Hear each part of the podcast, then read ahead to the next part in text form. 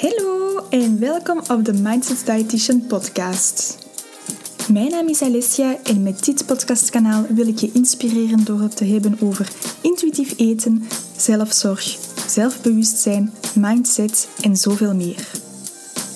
Luisteren naar je lichaam en jezelf geven wat je nodig hebt terwijl de hele wereld rondom jou langs alle kanten aan je trekt, het vergt wat oefening.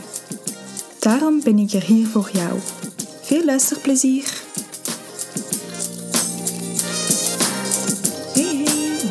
Alles goed met jou. Er was wat misgelopen met de vorige podcastaflevering, die ging over emotioneel eten. En daar was een stukje uitgevallen. Nu, ik was sowieso al een beetje aan het twijfelen over die aflevering, omdat die wel goed genoeg was. Dat heb ik wel vaker als ik de aflevering alleen opneem. Maar ik ga die zeker opnieuw opnemen, zodat je die toch nog kan beluisteren. Maar dat is niet vandaag, want vandaag nodigde ik Stefanie uit. Stefanie van Food Love. En wie is Stefanie? Stefanie spoort u aan tot een gezondere levensstijl, boordevol veggie en vegan food. Ze weet als geen ander haar liefde voor gezond eten te combineren met een drukke agenda door te meal preppen en mealplannen. En deze kennis deelt ze maar al te graag met iedereen die geen tijd heeft om elke dag te koken. Super handig dus. Ik heb haar cursus ook, ik ben er mega tevreden van. Ik heb er al heel veel inspiratie uit gehaald. Ze leert jou dus meal preppen in haar online kookcursus, organiseert healthy food tours in Gent, ontwikkelt recepten en foto's voor Horeca en Foodbrands en leert je tijdens haar foodstyling e-course hoe je heerlijke foodpictures kan maken. In 2019 bracht ze bovendien haar eerste kookboek uit, Ready Set Go, je slimme voorsprong op een gezonde week. Ik kijk enorm uit naar ons gesprek. Ik weet zeker dat het superleuk en gezellig gaat worden. En blijf zeker luisteren tot het einde, want Stefanie heeft nog een cadeautje voor jou in petto. Hey Stefanie, leuk dat je erbij bent. Hoe is het met jou? Goed, goed, heel goed eigenlijk. Dankjewel. Merci om mij uit te nodigen alleszins. Ik vind het super fijn om, uh, om erbij te zijn. Het is echt um, een hele eer, mijn eerste nee. podcastopname. Dus, uh, Zalig. Super. En met jou alles goed? Met mij alles goed, ja. Um, ik denk dat dat weer doet zoveel.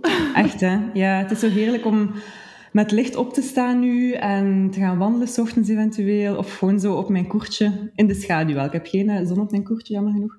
Maar om dan gewoon mijn koffietje te drinken en zo met de, de verse lentelucht de dag te beginnen. Ik vind het heerlijk. Het is, ja, um, zalig. het is een grote verandering, denk ik, voor veel mensen hun gemoed ook wel. Mm -hmm. Ja, je merkt dat ongelooflijk. Ja, ja, inderdaad. Dus uh, ja, het is very zalig. good. Ja, we mm -hmm. kunnen niet klagen, de zon schijnt. nee, nee, nee, voilà. Enige dat telt. Ja, ja, we gaan het uiteraard over corona hebben. Het kan niet dat anders. zal wel een paar keer vallen. Hoe heb jij het laatste jaar doorleefd? Want ik hoor dat dat voor iedereen wat anders is. Voor de ene ja, is dat absoluut niet leuk. En, en sommige mensen willen zo snel mogelijk naar hun vorig leven. Maar ik hoor toch ook heel veel positieve dingen. Dus ik was eens benieuwd, had dat op u eerder een positief of een negatief effect?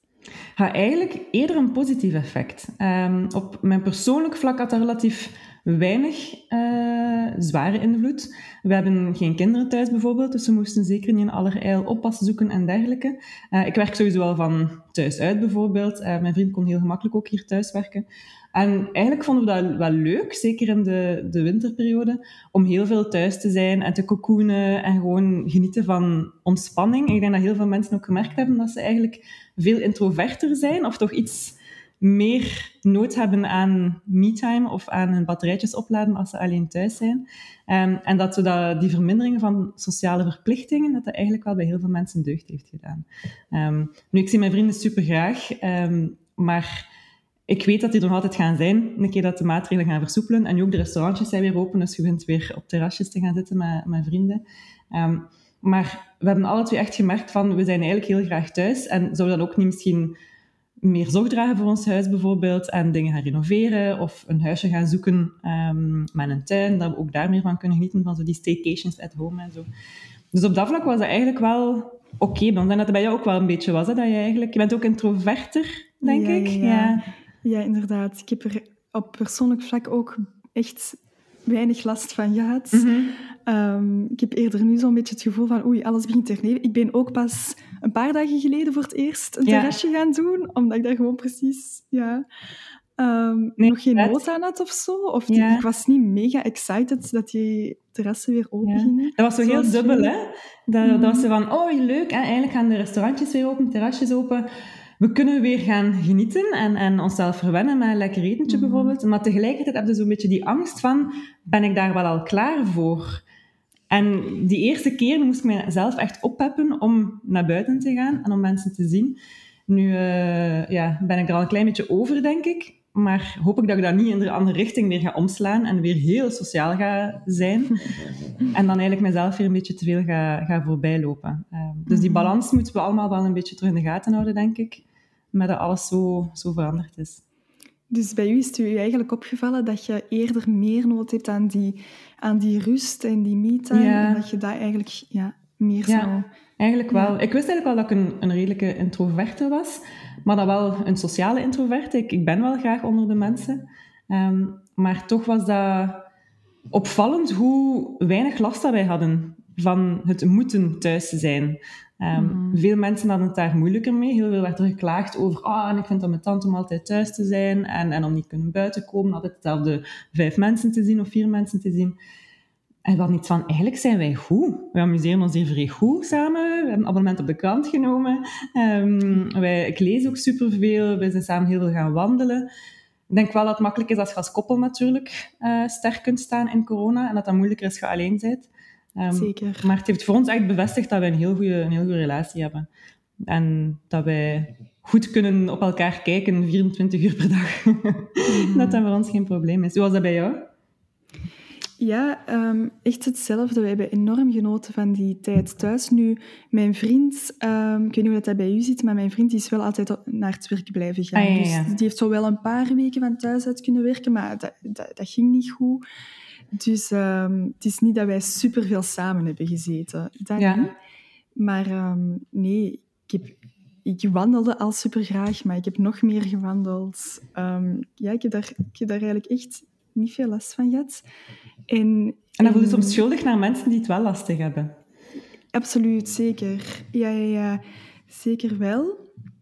Ehm, wat wou ik zeggen? Ja, ook zo die druk van die sociale verplichtingen dat wegviel. Of zo Mhm. soms gewoon een goed excuus kunnen hebben om niet te gaan. Van, ja, maar ik wil toch voorzichtig zijn. Ja, eigenlijk deed dat wel deugd. Ja, Want ja ik vond ik ook dat zo wel ook. wat schrik voor. Ja. Dat, ze terug heel, dat er terug heel veel gaande gaat zijn. Ja. Ehm, Ik denk dat een nee. hondje aan het snurken is naast jou. Ja, ja, sorry. Ja, dat is heerlijk om te horen. Dat is super ontspannend. De luisteraars zijn al een beetje gewoon. Ja. Dat hij altijd op de achtergrond snurkt. Oh, niks aan te doen. Nee, dus, dus fijn. En op werkvlak? Op werkvlak mag ik eigenlijk ook echt niet klagen, omdat ik wou eigenlijk... Ik zal een beetje vertellen wat ik, wat ik allemaal doe of deed. Ja, zeker. ik was eigenlijk voor iemand die heel introvert is, was ik eigenlijk wel met een heel sociale job bezig. Ik ehm hostte elke week meerdere kookworkshops, zowel voor particulieren als teambuildings. Ik ging regelmatig op foodtour. Dat waren gezonde ja, walking tours in Gent, langs alle leuke adresjes. Ehm, ik deed foodfotografie workshops, ik hostte Lightroom workshops. Ik was eigenlijk altijd met mensen bezig, eh, met klanten bezig. En ik moest die dan ook heel vaak entertainen. Dat waren ja, groepen dat je natuurlijk moet die een toffe tijd bezorgen. Dus dat vroeg eigenlijk heel veel van mij. En ik was heel vaak 15 uur aan een stuk aan het werk. Zeker voor een teambuilding s'avonds. Dat loopt dan door tot middernacht. Dan moet je nog opruimen, dan moet je nog een afwas doen, dan moet je nog naar huis rijden. En ik zou dan eigenlijk heel zelden zeggen, ah, ik heb vanavond acht uur werk, bij wijze van spreken. Ik ga dan maar overdag niks doen. Nee, ik begon dan om acht uur s morgens braaf te werken.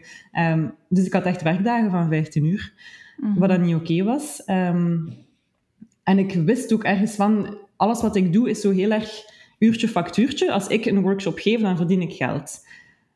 Maar als ik niet meer workshops kan geven, of ik word ziek, of er zijn maar zoveel dagen in een week en uren in een dag, ik zat een beetje aan een limiet ook. En ik was altijd de speelfiguur van alles, en dat vroeg eigenlijk heel veel. Ehm, Mhm. Maar dan denken van, oké, zal ik dan iemand aannemen die dat voor mij begint te doen, die voor mij workshops begint te geven? Dat vind ik eigenlijk ook moeilijk, want ja, ik ben het gezicht van Food Love natuurlijk. Ja, ja, ja. Ik ben de reden dat mensen misschien een workshop willen volgen, dat ze mij ooit een keer ontmoet hebben en mij tof vonden, of ze vonden... Allee, ze hebben een klik met mij, of dit of dat. Ehm, dat is misschien niet met een assistent het geval, dat weet je niet goed. Ook, ik vind het een beetje moeilijk om soms dingen uit handen te geven en te delegeren, waar ik nu wel aan het werken ben, dus dat is wel goed. Eh, maar dan eerder zo de behind-the-scenes dingen en niet per se de dingen op de voorgrond. En ik merkte wel echt van, ik wil eigenlijk meer online ondernemen. Ehm, dat ik ook gewoon meer rust heb, dat ik mijn eigen in mijn eigen rustige bureau kan werken of in mijn eigen Mhm. keuken kan werken. En ik wou binnen e-courses maken. Ik wou graag, wat ik in workshops gaf, wou ik heel graag online beginnen geven. Dat zat al zo lang in mijn hoofd. Eh, Ik denk zeker het, het jaar voor corona was ik daar heel erg mee bezig. Maar ik voelde mij zo schuldig naar klanten toe, dat ik, om dat allemaal te kunnen opnemen en in gang te steken eh, en te lanceren, zou ik een maand of twee ja, verlof moeten nemen bijna. En zou ik klanten moeten teleurstellen. Nee, ik kan geen teambuildings geven. Nee, de workshops gaan pas door binnen drie maanden. Ik, ja, dat ging gewoon voor mij niet. Mensen rekenen op mij, dacht ik. En ik voelde mij heel erg ja, verantwoordelijk naar hun toe. Oké. En plotseling is corona daar, is de eerste lockdown daar. En uiteraard, alle groepsworkshops worden geannuleerd. Alles valt weg. En totdat heel veel mensen dachten, dit is het einde van de wereld, wat ga ik met mijn, met mijn job doen? Zeker als zelfstandige is dat heel stresserend natuurlijk. Mhm. Ik dacht eerder, oh my god, yes, dit is mijn moment, hier heb ik eigenlijk op gewacht. Ik moet de kans grijpen en ik ga dat gewoon doen. En ik ga mijn cursussen, mijn allee, offline cursussen en workshops, ga ik gaan vertalen naar online cursussen. Dus ik heb dat gedaan. Ehm, en ik ben daar tot nu toe, we zijn nu meer dan een jaar verder, ongelooflijk blij mee. Mijn job past zoveel beter bij wie dat ik ben, nu. Ehm, en dat, is, dat vind ik het leuke, dat je als zelfstandige je job kunt ja, vormgeven en laten evolueren, zodat het echt wel optimaal past. Mhm. Ja, ja, ja. Oké, mooi. Super dat je nu iets gevonden hebt dat, dat het toch iets beter bij je past. Hè? Ja, nee, inderdaad. En ook dat is super herkenbaar. Bij mij, ik, maar ik denk ja, sowieso bij veel zelfstandigen, want we hadden niet veel keuze ook niet dan online om te schakelen. Mhm, inderdaad. Ehm, maar ik, ik zat daar nog niet zo lang mee met die ideeën om alles online te gaan doen. Maar ik heb wel, dankzij die, die periode, het voorbije jaar, ook gewoon gemerkt en beseft dat, dat dit mij veel beter ligt dan constant dat fysiek contact met mensen. Ook al was dat ook heel leuk, maar dat vroeg zoveel meer energie van mij, Mhm. dat ik nu, ehm, ja, ik voel mij veel rustiger en veiliger door gewoon thuis te blijven, mijn afspraken online te hebben. En ehm, ja, dus ook dat is herkenbaar. Ja, nee, ik In die online courses. Ja, ik vind dat heel leuk om te doen. Ik heb er nu een aantal staan. Eh, eentje over meal prepping, heb ik het al een keer over gehad in, eh, Ja, in een ja, ja. bonussessie bij jouw cursus. Ehm, dan ook een over foodfotografie, over leren werken met een camera zit er ook tussen. En eigenlijk allemaal zaken die mensen juist heel leuk vinden om op hun eigen tempo te gaan leren. Het, is, Voilà. het is soms juist leuk dat, dat je niet moet verplaatsen s'avonds na je werkuren naar een cursuscentrum ergens waar dat je van een leraar les krijgt bijvoorbeeld, of dat je niet naar mij in Gent moet komen, gewoon in Antwerpen en Limburg.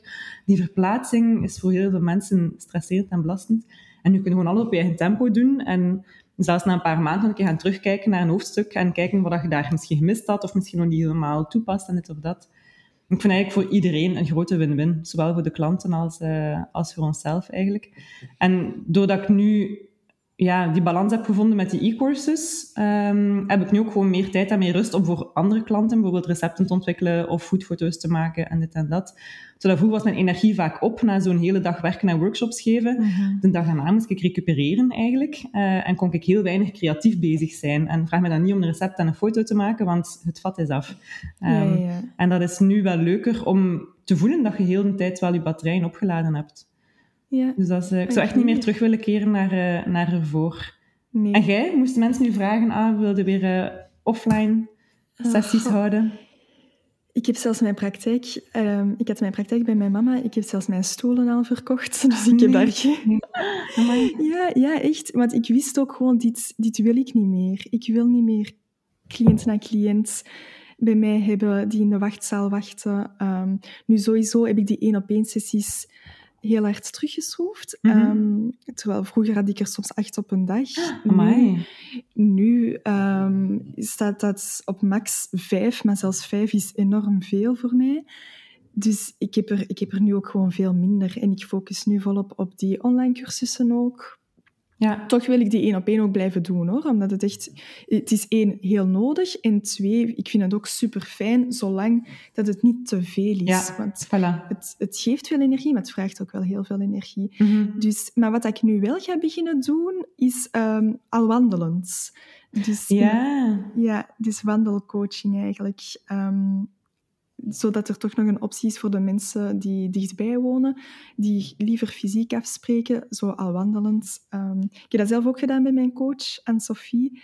En dat is wel super fijn. Ja, dat kan ik geloven. Dat is eigenlijk echt dubbel resultaat. Je hebt niet alleen maar het gesprek Ja, voilà. en de input en de tips en allee, het ventileren en dergelijke, maar je hebt ook nog een keer de natuur daar rond u is. Eh, of allee, de, Mhm. ik weet niet of je in de stad gaat wandelen, maar sowieso heb je heel veel Ja, ja, het impulsen of van overal. Voilà, ja, en de extra zuurstof. Dat is eigenlijk zo elke coaching sessie die zo kan doorgaan natuurlijk. Zou zo moeten doorgaan. Ik kan moeilijk een foodfotografie cursus geven al wandelend. Nee, nee, nee. Dat zou een beetje moeilijk zijn. Zo'n picknickparcours in het park dat ze kunnen fotograferen. Ga, het heeft misschien wel Oh, iets. eigenlijk? Ja. Het zou iets kunnen opleveren. Ja. Ja. Nee, maar het is gewoon leuk, vind ik, dat corona heel veel mensen juist heeft geïnspireerd om anders naar een zaak te kijken. Absoluut. En te kijken wie ben ik, wat past er bij mij, waar hebben mijn klanten eigenlijk ook nood aan. Want uiteindelijk staat de klant wel centraal natuurlijk. Hè. Moest, eh, moest je foodfotografie niet kunnen leren door een e-course te volgen, ja, daar zou ik ook geen e-course rond maken natuurlijk. Mhm. Ehm, maar het is echt wel in hun voordeel, want ze krijgen zoveel meer. Ehm, er komen altijd bonussen bij en dit en dat. En je kunt echt ook met zo live Q&A's werken en ze kunnen van elkaar leren in Facebookgroepen en zo. Eigenlijk is dat zoveel meer waardevol dan als ze één dag een keer bij mij komen. En dat is het eigenlijk. ja, Ja, ja. Ja, zeker. Ja, inderdaad. Dat zie ik ook bij mijn cursus. Ik kan daar zoveel insteken dat ik nooit op, op tijd kan, kan geven. Dat is, ja, het is veel meer informatie. En inderdaad, heel voor, veel voordeliger ook qua prijs ehm, Zeker. voor de klant. Dus ja, inderdaad. Dus een win-win voor iedereen. Je bent hè, dus foodfotografe, zoals dat je daarnet al zei. Hoe is die passie eigenlijk ontstaan? Dat is eigenlijk iets waar ik niet voor gestudeerd heb. Eh, veel mensen denken dat ik fotografie gedaan heb, bijvoorbeeld. Of dat ik voedingsdeskundige ben of diëtist, omdat ik met, met gezonde voeding of in het algemeen voeding bezig ben. Maar ik heb eigenlijk iets helemaal anders gestudeerd. Ik heb handelsingenieur gestudeerd. Ehm. Zelfs operations management als afstudeerrichting. Dus ik weet alles over lean management en agile en al die, die technische managementtermen. Ehm, maar ik voelde dat dat niet de job ging geven of creëren die ik wou. Eh, ik had in mijn laatste jaar wel sterk gevoeld. Ehm, ik ben dan voor een doctoraatsonderzoek gegaan. Ehm, eerder in de marketingdomeinen dan, consumentengedrag eh, bestudeerd. Oké. Maar ik heb dat eigenlijk ook niet afgewerkt. Ehm, ik vond dat een heel fijne job op vlak van omgeving en collega's en de kansen die wij kregen om opleidingen te doen. Ik ben iemand die heel graag bijleert en heel nieuwsgierig ben en mezelf altijd wil ontwikkelen en ontplooien. En dat was daar echt perfect voor. Maar de job op zich maakte mij niet gelukkig. Ehm, Mhm. En ik had dat wel een beetje het idee van... En toen al, want veel mensen hadden dat toen nog niet. Die hadden meer iets van, ja, je moet gewoon op je tanden bijten en heel hard werken en veel geld verdienen. En dan later kun je doen wat je wilt doen en wat je gelukkig Ja. zal maken. En ik dacht, nee, dat, ik wil niet zo lang wachten. Ik wil nu al een job die mij nu gelukkig maakt. Maar wat doe je dan? Hè? Je hebt dan handelsingenieur gekozen, een economische richting. Dan doe je marketing, een doctoraat. Je hebt twee keer verkeerd gekozen eigenlijk al. Wat gaat u dan wel gelukkig maken uiteindelijk? En ja, na heel wat reflectie en introspectie, wel bedacht van het ene dat mij eigenlijk al sinds mijn jeugd en sinds dat ik klein ben mij interesseert, dat is eigenlijk eten. Mhm. Eten maken eh, voor mezelf, voor mensen, daar creatief mee zijn. Dat zijn dingen die, ja, die mij echt, dat ik echt graag vooruit mijn bed kom, bij wijze van spreken, waar ik zo graag mee bezig ben. En ik dacht, ja, ik moet daar iets mee gaan doen. Maar wat? Ik wou zeker geen restaurant hebben.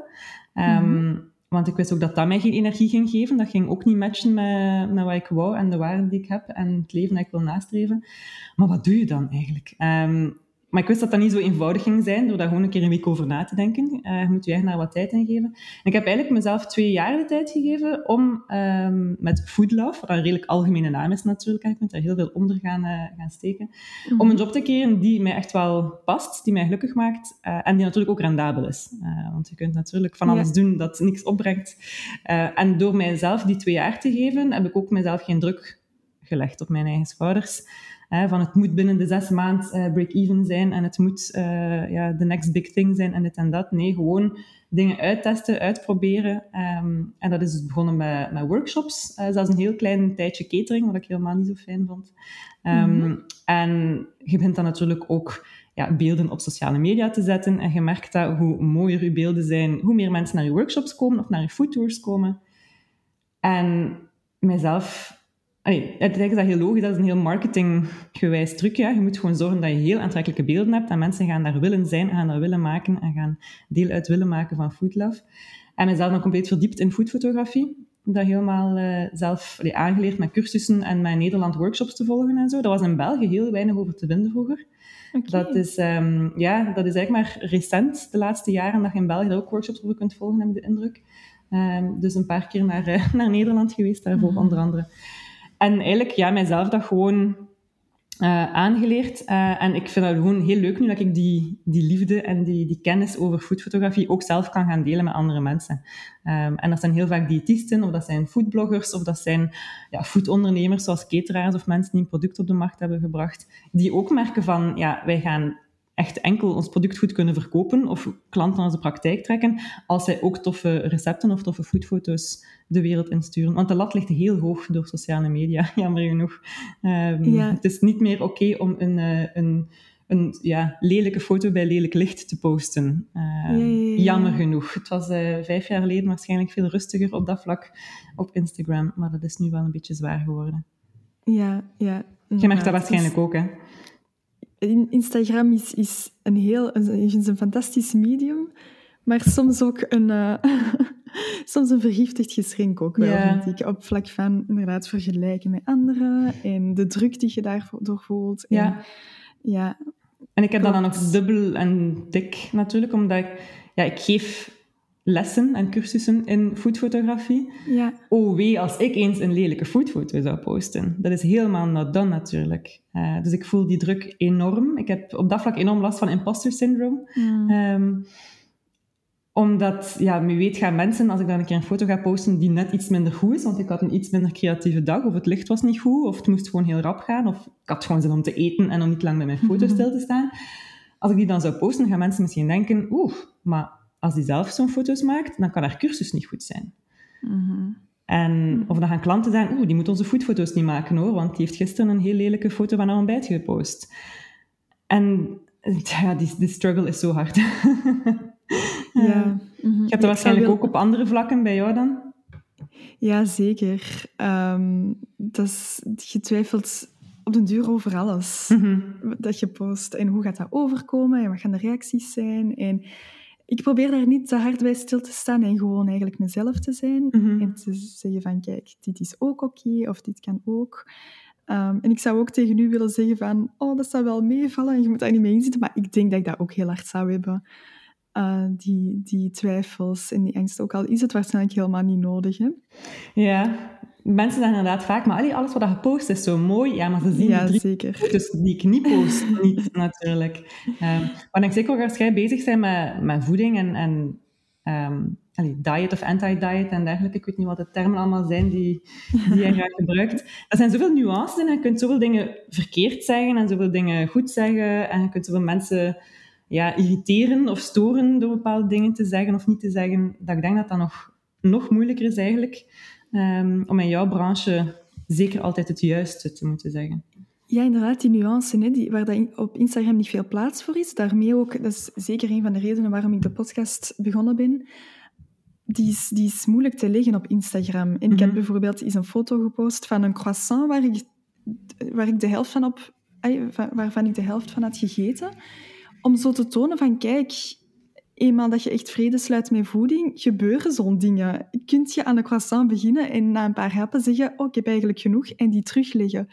En ik heb daar heel veel negatieve reacties op gehad. Van, allee, je hebt amper iets gegeten en je, kunt dat, je gaat dat nu toch niet weggooien.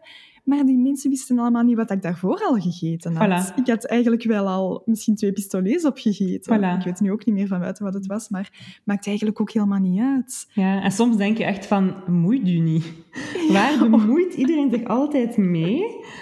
En zeker als je advies geeft over voeding, denk ik. Ik ben daar wel een beetje van afgestapt. Ik was vroeger ook wel iets meer in zo de trein gesprongen of op de trein gesprongen van dat is gezond en dat is niet gezond, je moet daarop letten. En ik was eigenlijk ook maar ja, aan het naapen wat ik ergens anders had geleerd of aan het nabootsen. En ik ben ook wel nu veel voorzichtiger in, want gezondheid is niet zoiets zwart-wit. Is voor iedereen anders en die nuances kunnen gewoon niet leggen. En ik heb ook niet die wetenschappelijke basis. Ik heb handelsingenieur gestudeerd. Ik weet niet alles over de wetenschappelijke studies rond koolhydraten en dergelijke. Ik was naar je podcast aan het luisteren, daar juist ook met Celine. Um, en ja, heel boeiend om altijd die reflectie naar de wetenschap te maken. Maar veel mensen kunnen die niet, dus ja, zwijg er dan ook gewoon over. En moet je niet met andere mensen aan het eten zijn altijd.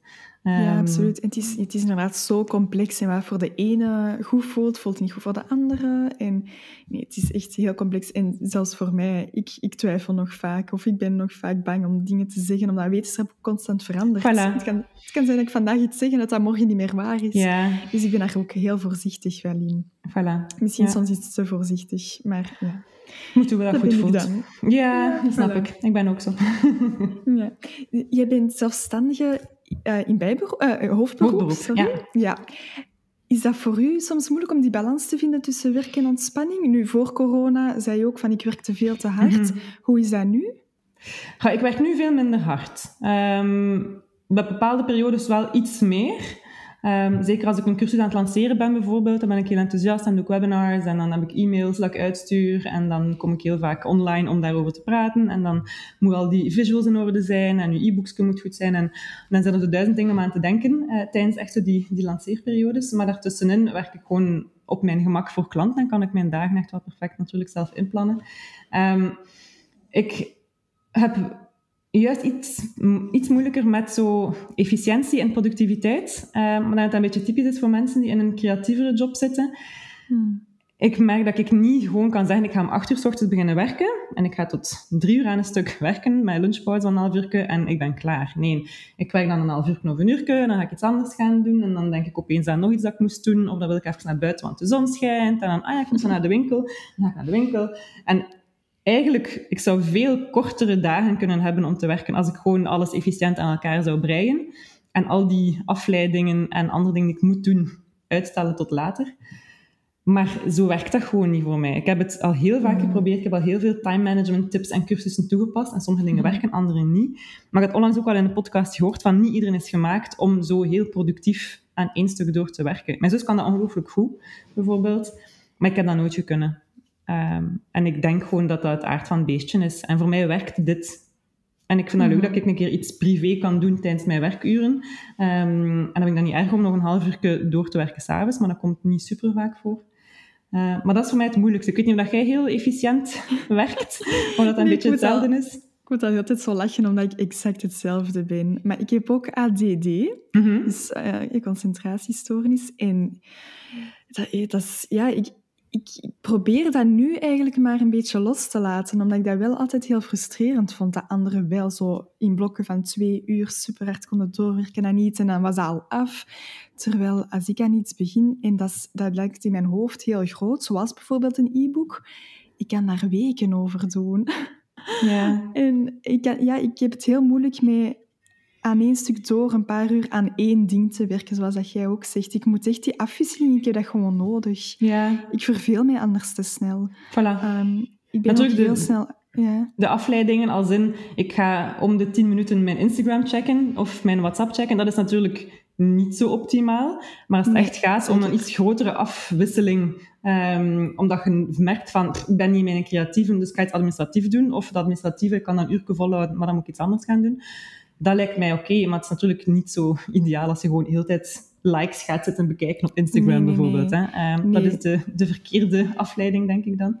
Ehm, maar ja, wij werken gewoon op die manier. Er zal waarschijnlijk wel een term voor ontstaan later, voor ons soort eh, aandachtspannes. Eh, of dat valt misschien onder die ADD, like dat gezegd. Ehm, ja, dat weet ik niet zo goed, omdat jij, eh, je zegt dat nu ook zo, in creatieve beroepen misschien. En inderdaad, ik probeer nu ook echt goed te voelen, waar ga ik vandaag... wa- Waar, ga ik, ja, waar heb ik vandaag zin in? Hoe voel ik mij vandaag en welke, welke jobje past daarbij? ja, Is dat iets administratief? Is dat iets creatief? Ga ik posts maken? Ga ik iets schrijven? voilà. Ehm, En ook veel ja. mensen, of vaak als je time management tips krijgt of, of daar cursussen over leest, dan is dat heel vaak van ja, begin je dag niet met mails. Hè, want Ja. dan zit je daarin vast en dan laat je heel je werkplanning afhangen van die mails en dat. Bij mij is dat niet zo. Mijn planning van de dag staat allee, ongeveer vast en ik kijk wat ik wanneer ga doen ongeveer die dag. Ehm, maar als ik mijn mails niet doe early in the morning, dan doe ik ze gewoon niet, merk ik. Ja. Dan stel ik dat Mhm. uit. Ah, ik ga dat straks doen, ik ga dat straks doen, ik ga dat straks doen. En dan uiteindelijk doe ik ze helemaal niet. Dus dat is iets dat ik zo vaak uitstel, dat ik dat beter juist wel early in the morning doe. Om dat gewoon achter de rug te hebben en dan aan mijn dag kan beginnen. Anders blijft dat zo hangen over mijn hoofd van je moet nog je mails lezen. Ja, Ehm, ja. Dus dat is wel... Iedereen is daar zo anders in. denk ik dan. Ehm, dus je moet gewoon zoeken wat voor u eigenlijk werkt. Ehm, en gewoon zorgen dat je... Ja, ik dacht van balans, hoe, hoe, vind ik dat? Ik slaap gewoon zoveel als ik maar kan. Um, ik weet dat je daar ook binnenkort een cursus of een sessie over hebt. Of een... Ja, er komt iemand een lezing over, een ah, voilà. lezing eigenlijk over geven, maar dan online. Ja, door een, een slaapexpert, die, en ook een psycholoog. Super interessant, vind ik. Ja. Slapen en alles wat daarmee te maken heeft en waar dat allemaal invloed op heeft. Voilà. Want we zijn altijd dus zo hard bezig met Voeding is het belangrijkste en op nummer twee staat uh, bewegen. Maar eigenlijk, alles begint toch bij je slaap. Want hoeveel dat je slaapt, heeft invloed op hoeveel dat je kunt bewegen of wilt bewegen die dag. En op wat je gaat eten en wat je zin in Absoluut. hebt die dag. Ja, dat zegt zij ook. Eigenlijk is, is slaap de belangrijkste pijler, omdat je het meeste invloed heeft ook op de andere dingen. Voilà, voilà. Mhm. En ik probeer daar echt heel bewust mee om te gaan. Um, door ja, vroeg genoeg te gaan slapen. Dat lukt niet altijd, hoor. Soms heb ik ook gewoon zin om nog twee uur naar Netflix te kijken. Is mijn vriend al lang gaan slapen, dan ik nog aan het bingen. Dat gebeurt, um, maar dat gebeurt zeker maar één of twee avonden in de week. Um, mm-hmm. En nu dat we dan al terug mogen op terrasjes gaan zitten, zal dat zeker nog minder gebeuren. Um, maar ik probeer echt ook gewoon geen wekker te zetten. Ik probeer geen afspraken morgens vroeg in te plannen. Uh, zeker niet buitenshuis. Dus liever niet voor tien uur ergens moeten zijn, bijvoorbeeld. Dus dat ik niet moet denken om zeven uur s ochtends, ik moet nu uit bed en ik moet binnen een half uur klaarstaan. En als je een slechte nacht hebt gehad, dan wil je gewoon blijven liggen nog even. Uh, en ik weet, dat is heel makkelijk gezegd als je geen kinderen hebt natuurlijk. Um, ja, dat moet een heel, hele aanpassing zijn, denk ik, als je, als je voor kinderen moet zorgen. En die maken nu om half zes ochtends wakker. En om drie uur s'nachts en om twaalf uur s'nachts. ja. um, maar het eerste dat het best ja, herstelt of, of op focust, denk ik, is, uh, is echt wel je slaap. Kun je dat hij veel slaapt? Ik, uh, ik ben geen goede slaper. En, maar ik probeer, ik ben daar ook eigenlijk heel hard mee bezig. En de, de slaappsycholoog, dus Aisha, die, die komt praten, die zei van ja, misschien zet je er een beetje te hard mee bezig. En ah wat dat dan ook wel nadelig kan zijn, ik, ik wil altijd om tien uur in bed liggen en ik sta om zes uur op. Dus ik zet wel een wekker. Mm -hmm. ik heb een hele lange ochtendroutine ook dus ik zet die wekker eigenlijk ook echt om s morgens mijn rust te hebben en te kunnen opruimen en te kunnen gaan wandelen en rustig te kunnen ontbijten, zodat ik dan ook rustig aan mijn dag kan beginnen. En, en bijvoorbeeld als ik dan s'nachts wakker word, word ik echt zenuwachtig. Omdat ik denk, allez, ik moet mijn acht uur slaap halen en nu lukt dat niet meer.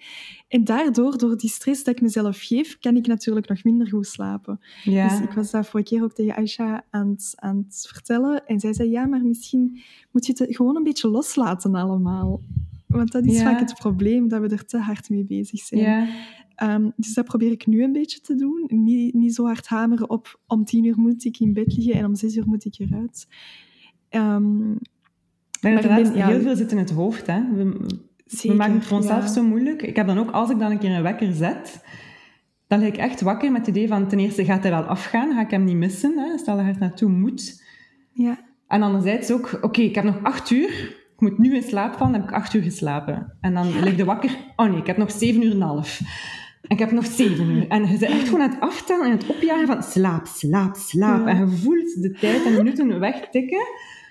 En dat is zo echt niet gezond. En dat is een van de redenen dat ik dus geen wekker meer zet. Um, en niks in plan ochtends. En dat is echt een bevrijding. Ik ja, heb zoveel meer energie, heb zoveel meer, of zoveel minder vreemde drangen naar uh, ongezond eten bijvoorbeeld. Uh, of naar liters koffie. Mm -hmm, maar ja, ze moeten maar de sessie bij jou volgen en bij, je, bij de slaapexperten binnenkort. En dan gaan ze daar allemaal keihard over leren. Want ik ben geen expert, dus ik kan alleen maar zeggen hè, wat ik doe. Onze ervaring delen? Ja, ja zeker. Nee, ik kijk er enorm naar uit, naar, eh, naar het webinar over slaap. Ja, alright. Wordt super interessant. Oké. wat zijn zo'n zaken die je ontspannen als je dan niet aan het werken bent? Lezen. Ik had er juist ook al gezegd dat ik lees eigenlijk heel graag. Ik heb ook altijd als kind heel graag gedaan. Mhm. Ehm, ik had trouwens ook, allee, toen ik met Foodlab begon, had ik ook een coach. En um, ja, een soort van loopbaancoach natuurlijk. Hè. Uh, dat was voor solo creatieve solo-ondernemers. Was het. Uh, ik vond een heel leuke omschrijving. En uh, zij zei ook van eigenlijk de dingen dat je als kind heel graag deed, en ook de dingen die je meestal later energie gaan geven of heel goed gaan ontspannen, want dat zijn de dingen dat je deed zonder dat je iets moest doen. Mhm. Ehm, dus vaak als je denkt van, "Ah, ik heb like, een hobby nodig of zo, of, eh, of ja, ik vind, ik vind niet genoeg geluk of, of, of plezier in mijn leven, kijk, dan ken je dingen dat je deed als kind. Was dat knutselen, was dat schilderen, was dat gaan fietsen, was dat wat dan ook, was in de keuken staan, doet dat gewoon iets meer. En ik heb dat met lezen ook heel sterk. Ik was echt wel een boekenworm. Ik was een beetje een nerd vroeger wel, hoor. Ehm, misschien dat mensen dan altijd gaan zeggen, dat weet ik niet. Maar ehm, ja, ik, ik word daar heel rustig van en dan kan ik echt de wereld vergeten. Terwijl als je Mhm. tv kijkt, dan ga je heel vaak nog op je gsm zitten kijken of dan ga je toch nog even een, een krant of wat dan ook erbij nemen. Zo heel vaak zo twee schermen of twee Mhm. prikkels eh, combineren. Terwijl een boek lezen, dat is echt gewoon mijzelf daarin verliezen. Dus dat is ja, echt nummer één om mij te ontspannen. Ook omdat dat zo makkelijk is. Je kunt gewoon, dat ligt naast u, je neemt en je bent vertrokken. Ja. Ehm, wat mij ook enorm ontspant, is eh, in de natuur zijn. Mhm. Dat wist ik eigenlijk vroeger ook, maar ik deed dat veel minder, denk ik. Eh, ik woon ook in het centrum van de stad, dus je gaat niet zo snel in de natuur. Anderzijds, als ik tien minuten fiets, dan ben ik eigenlijk ook al in een park of meers eh, hier in de buurt van Gent. En ook ik woon aan het water eigenlijk in, in Gent, dus dat is eigenlijk ook al een beetje natuur. ja. Maar dan merk ik echt wel dat ik kan niet aan mijn werk denken als ik in de natuur ben. Dat vind ik heel Mhm. fijn. Dat, dat gebeurt gewoon. Je kan met mijn vriend vijf uur gaan wandelen. Ik heb geen seconde gedacht aan die deadline bijvoorbeeld. Zalig. Je hebt dat waarschijnlijk ook. Ja, bij mij, ik, ik heb het moeilijk om mijn werk los te laten. Ja? Ehm, ik, merk nu, ik heb nu wel gemerkt dat als ik naar een podcast luister tijdens het wandelen, krijg ik meer rust, ook al luister ik dan heel te naar iets, maar omdat ik dan niet aan mijn werk denk. Mhm. Terwijl als ik gewoon zo zonder iets, dan, dan, ja, dan kom ik toch altijd terug op dat werk en begin ik te piekeren. Of, dus ik heb het heel moeilijk met ontspanning. Ja? Dus dat is bij mij wel, ja, ik sta, mijn hoofd staat constant aan. Ik heb soms, ik zeg dat ook altijd tegen mijn therapeut, van mijn gedachten gaan zo snel en ik kan die zelfs niet meer lezen, zo snel dat die gaan. En dat is zo vermoeiend. Ehm, dus ja, bij mij is dat echt nog een oefening. Ik weet niet zo goed hoe, maar Ja, zo'n die mindfulness oefeningen en zo. hè. Dat is zo de, ik, de ze daar heel vaak meditatie, gebruiken. meditatie moet ik echt meer gaan doen. En, maar ook dat is voor mij moeilijk, omdat dat, ja, ik weet hoe meer dat je het doet, hoe beter dat, dat het wordt. Maar de, de- het is altijd zo moeilijk. Die eerste minuten blijf ik gewoon in die gedachten. Ja. Wat dat bij mij wel werkt, bijvoorbeeld, of, of beter... Nee, ik zal eerst zeggen wat dat mij, bij mij niet werkt. Bij mij werkt het niet om te zeggen, oké, maak je gedachten leeg. hè. Je moet je hoofd leegmaken en focussen op één punt in je gedachten. En dan als je hoofd weer afdwaalt, moet je weer hè, centreren en weer, ah, het is oké, rustig. Dat werkt voor mij heel moeilijk. Wat dat wel werkt, is het omgekeerde eigenlijk. En dat is gewoon luisteren en kijken rondom u. En echt focussen op alle dingen dat je hoort of ziet. Ehm, dat dan een keer, ja, dat was een, eh, een sessie in, eh, in Bali. Oh, dat klinkt zo cliché. Ik was eh, in een yogacentrum in Bali. Ehm, en een hele goede leerkracht dat ik daar had. En die zei vaak, kijk, luister gewoon naar alles wat je hoort. Het is overal lawaai. Ik vond dat vaak heel irritant als ik daar yogalessen deed, dat er zoveel lawaai was rond mij. Hè. Er waren dan vogels Mhm. en er waren dan ja, altijd aan het bouwen en aan het werken daar in de buurt. En de mensen op de straat die passeren met een brommer. En ik, dat stoorde mij zo hard. Ik had iets van, ja, ik doe yoga, dat moet hier stil zijn. Maar hij zei van, nee, je moet eigenlijk juist je aandacht daaraan geven en zeggen, ah, oké, ah, ik hoor een vogel. Ik hoor een vogel. Ah ja, daar is een vogel. Ah, ik hoor een brommer. En daar zo niet kwaad op worden, maar gewoon dat erkennen dat dat daar is. Mhm. En dat dan gewoon zo loslaten, naar het volgende geluid gaan. En dan zijn je niet bezig met je werk. Hè. Zijn je niet bezig met, ah, die een downward facing dog lukt mij niet. Of nee, mijn broekje spant te veel, misschien ben ik te dik of eh, whatever. Ehm nee, dat ik nu gelukkig niet... We het straks nog over hebben, denk ik. Hè? Over ehm, body image en zo. Ehm, maar ja, en dat, was eigenlijk, dat werkt eigenlijk beter voor mij. Als ik niet aan bepaalde dingen mag denken, moet ik gewoon echt bewust aan andere dingen gaan denken. In plaats Mhm. van aan niets te denken. ja, dat is dus inderdaad iets Ik weet niet of dat iets is wat dat voor sommige mensen kan werken. Dat was toevallig iets dat voor mij werkte. Ja, Ehm, ja, ja. ook omdat Ja, ik, ik kan ook- heel vaak kwaad worden op geluiden rondom mij. Ik woon ook naast een studentenhuis bijvoorbeeld. Ehm, er passeren hier duizenden pizza delivery guys voor de deur. dat kan, geluid is iets dat je zo moeilijk kunt afsluiten. Ehm, Je kunt je ogen te doen en je kunt je neus te doen. maar je kunt heel moeilijk je oren eh, in het dagelijks leven continu afsluiten natuurlijk. Dus ehm, ja, misschien is dat wel een, eh, een tip voor zij die net zoals mij daar gevoelig voor zijn. Ja, inderdaad. Dat is ook een tip dat altijd wordt gegeven bij, bij mensen die angstig worden of, of stress hebben of het even niet meer weten om, om te gaan zitten en inderdaad te focussen op wat zie ik rondom mij, wat hoor ik, wat ruik ik. Ja, Zo Voilà. wat, ja. Ja, Mhm. In plaats van zo de, de, de nulstand of de zenstand te Ja, ja, ja. bekomen. Ja, dat lukt niet altijd. De omgeving laat het niet altijd toe. Je moet eigenlijk gewoon toelaten en erkennen wat er allemaal rond u speelt. Ehm. En minder kwaad Mhm. zijn op jezelf soms. Milder zijn met jezelf. Inderdaad, heel belangrijk. Ehm, Stefanie, je doet aan meal prepping. Je hebt hier ook een cursus rond. Ja, Je bent ook bij mij in de cursus komen praten over meal prepping. Welke invloed heeft dat op je leven gehad? Ha, ik zou zeggen dat het echt wel ja, mijn leven gered heeft, of dat het leven van mensen kan redden. Maar dat is misschien een beetje overdreven. Maar ik merk gewoon van heel veel mensen dat ze zeggen, ik zou zo graag wat gezonder eten, maar ik heb daar geen Mhm. tijd voor. En ik kom thuis s'avonds na het werk en die vergadering is uitgelopen, of ik moest mijn kind onverwachts van de crash gaan ophalen, of dit of dat. En dan heb je honger en dan moet je nu eten hebben en dan bestel je gewoon iets, of dan loop je naar de winkel ehm, en dan neemt gewoon, omdat je zoveel honger hebt, neem je zo een of ander bakje lasagne dat je in de oven kunt schuiven. Ik snap dat. Ehm, het is echt niet evident om drukte te gaan combineren met ja, rust en koken en, eh, en gezond koken, dat zeker niet. Eh, dus voor mij, meal preppen is echt wel een oplossing daarvoor. Ehm, Ik vind het heel leuk om te weten dat mijn diepvries altijd vol zit. Zowel met ontbijtjes als met warme gerechten. bijvoorbeeld. Er zit altijd wel bananencake in de diepvries bijvoorbeeld, of, of ja, granola-repen of zo. Dus ik weet, ook al kom je terug van een, een drukke periode even op het werk of zo, of ehm, je bent terug van reis bijvoorbeeld, er zit altijd wel iets in de vriezer om te eten. Ehm heb je geen tijd gehad om inkoop te doen, no worries, want er zijn lekkere gegrilde groentjes in de, in de, in de frigo. Eh, er zijn dipjes en sausjes in de diepvries of in de frigo. Zoveel dingen om lunch te maken. Eh, en dat geeft echt zo rust van, dat is één van de vele dingen dat je een keer niet moet op beginnen letten. Want Mhm. eten is zo belangrijk. We doen dat drie keer per dag minstens, normaal gezien. Gemiddeld. Ik weet niet of dat bij de meeste mensen is natuurlijk tegenwoordig, met dat intermittent fasting en, eh, whatever allemaal. Ehm, maar bon. Ehm, maar die rust en dat stressvrije aspect is echt heel fijn. Ehm, en je kunt zoveel meer meal preppen dan dat je zou denken. Hè. Like dat ik zeg, van, ik heb altijd een vriezer vol zitten met, met eten en zo. eh, ook met ontbijtjes. Ja. Dat is ja, freezer-friendly food, dat is echt mijn stokpaardje. Daar, daar kom ik, word ik heel enthousiast van. Mhm. Ehm veggie bursts ook altijd in de vriezer en stoofpotjes. Ehm, en zo'n beetje een salad bar maken van je koelkast, dat is het handigste. Voor als je dan, zeker als je thuis werkt nu, maar ook als je buitenshuis werkt, heel rap een, eh, een creatief slaatje kunt maken.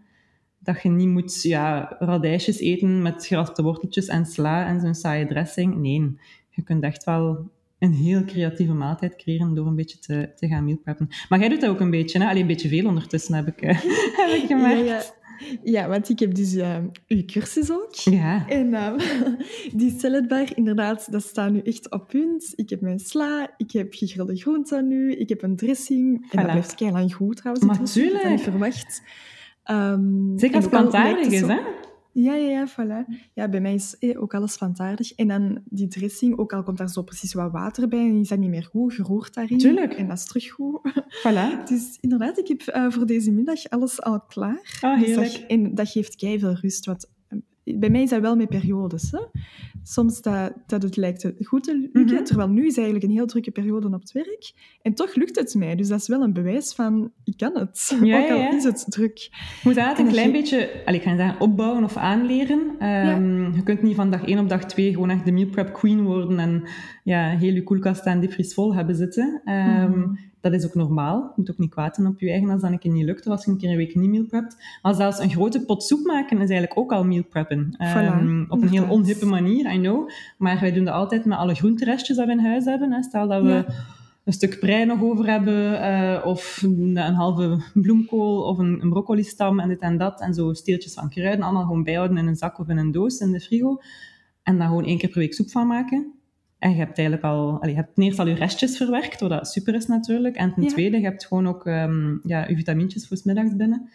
En dat vind ik ook leuk naar meal preppen. Je gaat veel minder eten weggooien.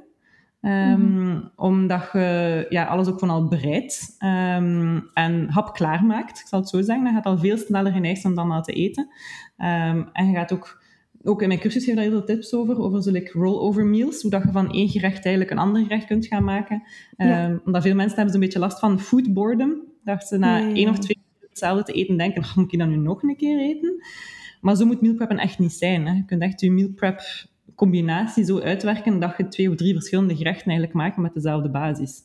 Dat vind ik eigenlijk het leukste altijd. Dan maak je een chili sin carne bijvoorbeeld. En dag één eten dan met wat rijst, dag twee met een slaatje, dag drie in een wrap. Met dan altijd wat andere toppings erbij om de smaak ook een beetje anders te maken. Ja. Dus het kan echt heel creatief zijn. Het moet niet zo saai zijn en zeven bakjes met dezelfde drie ingrediënten daar een hele week van moet eten. Nee, moet zeker niet.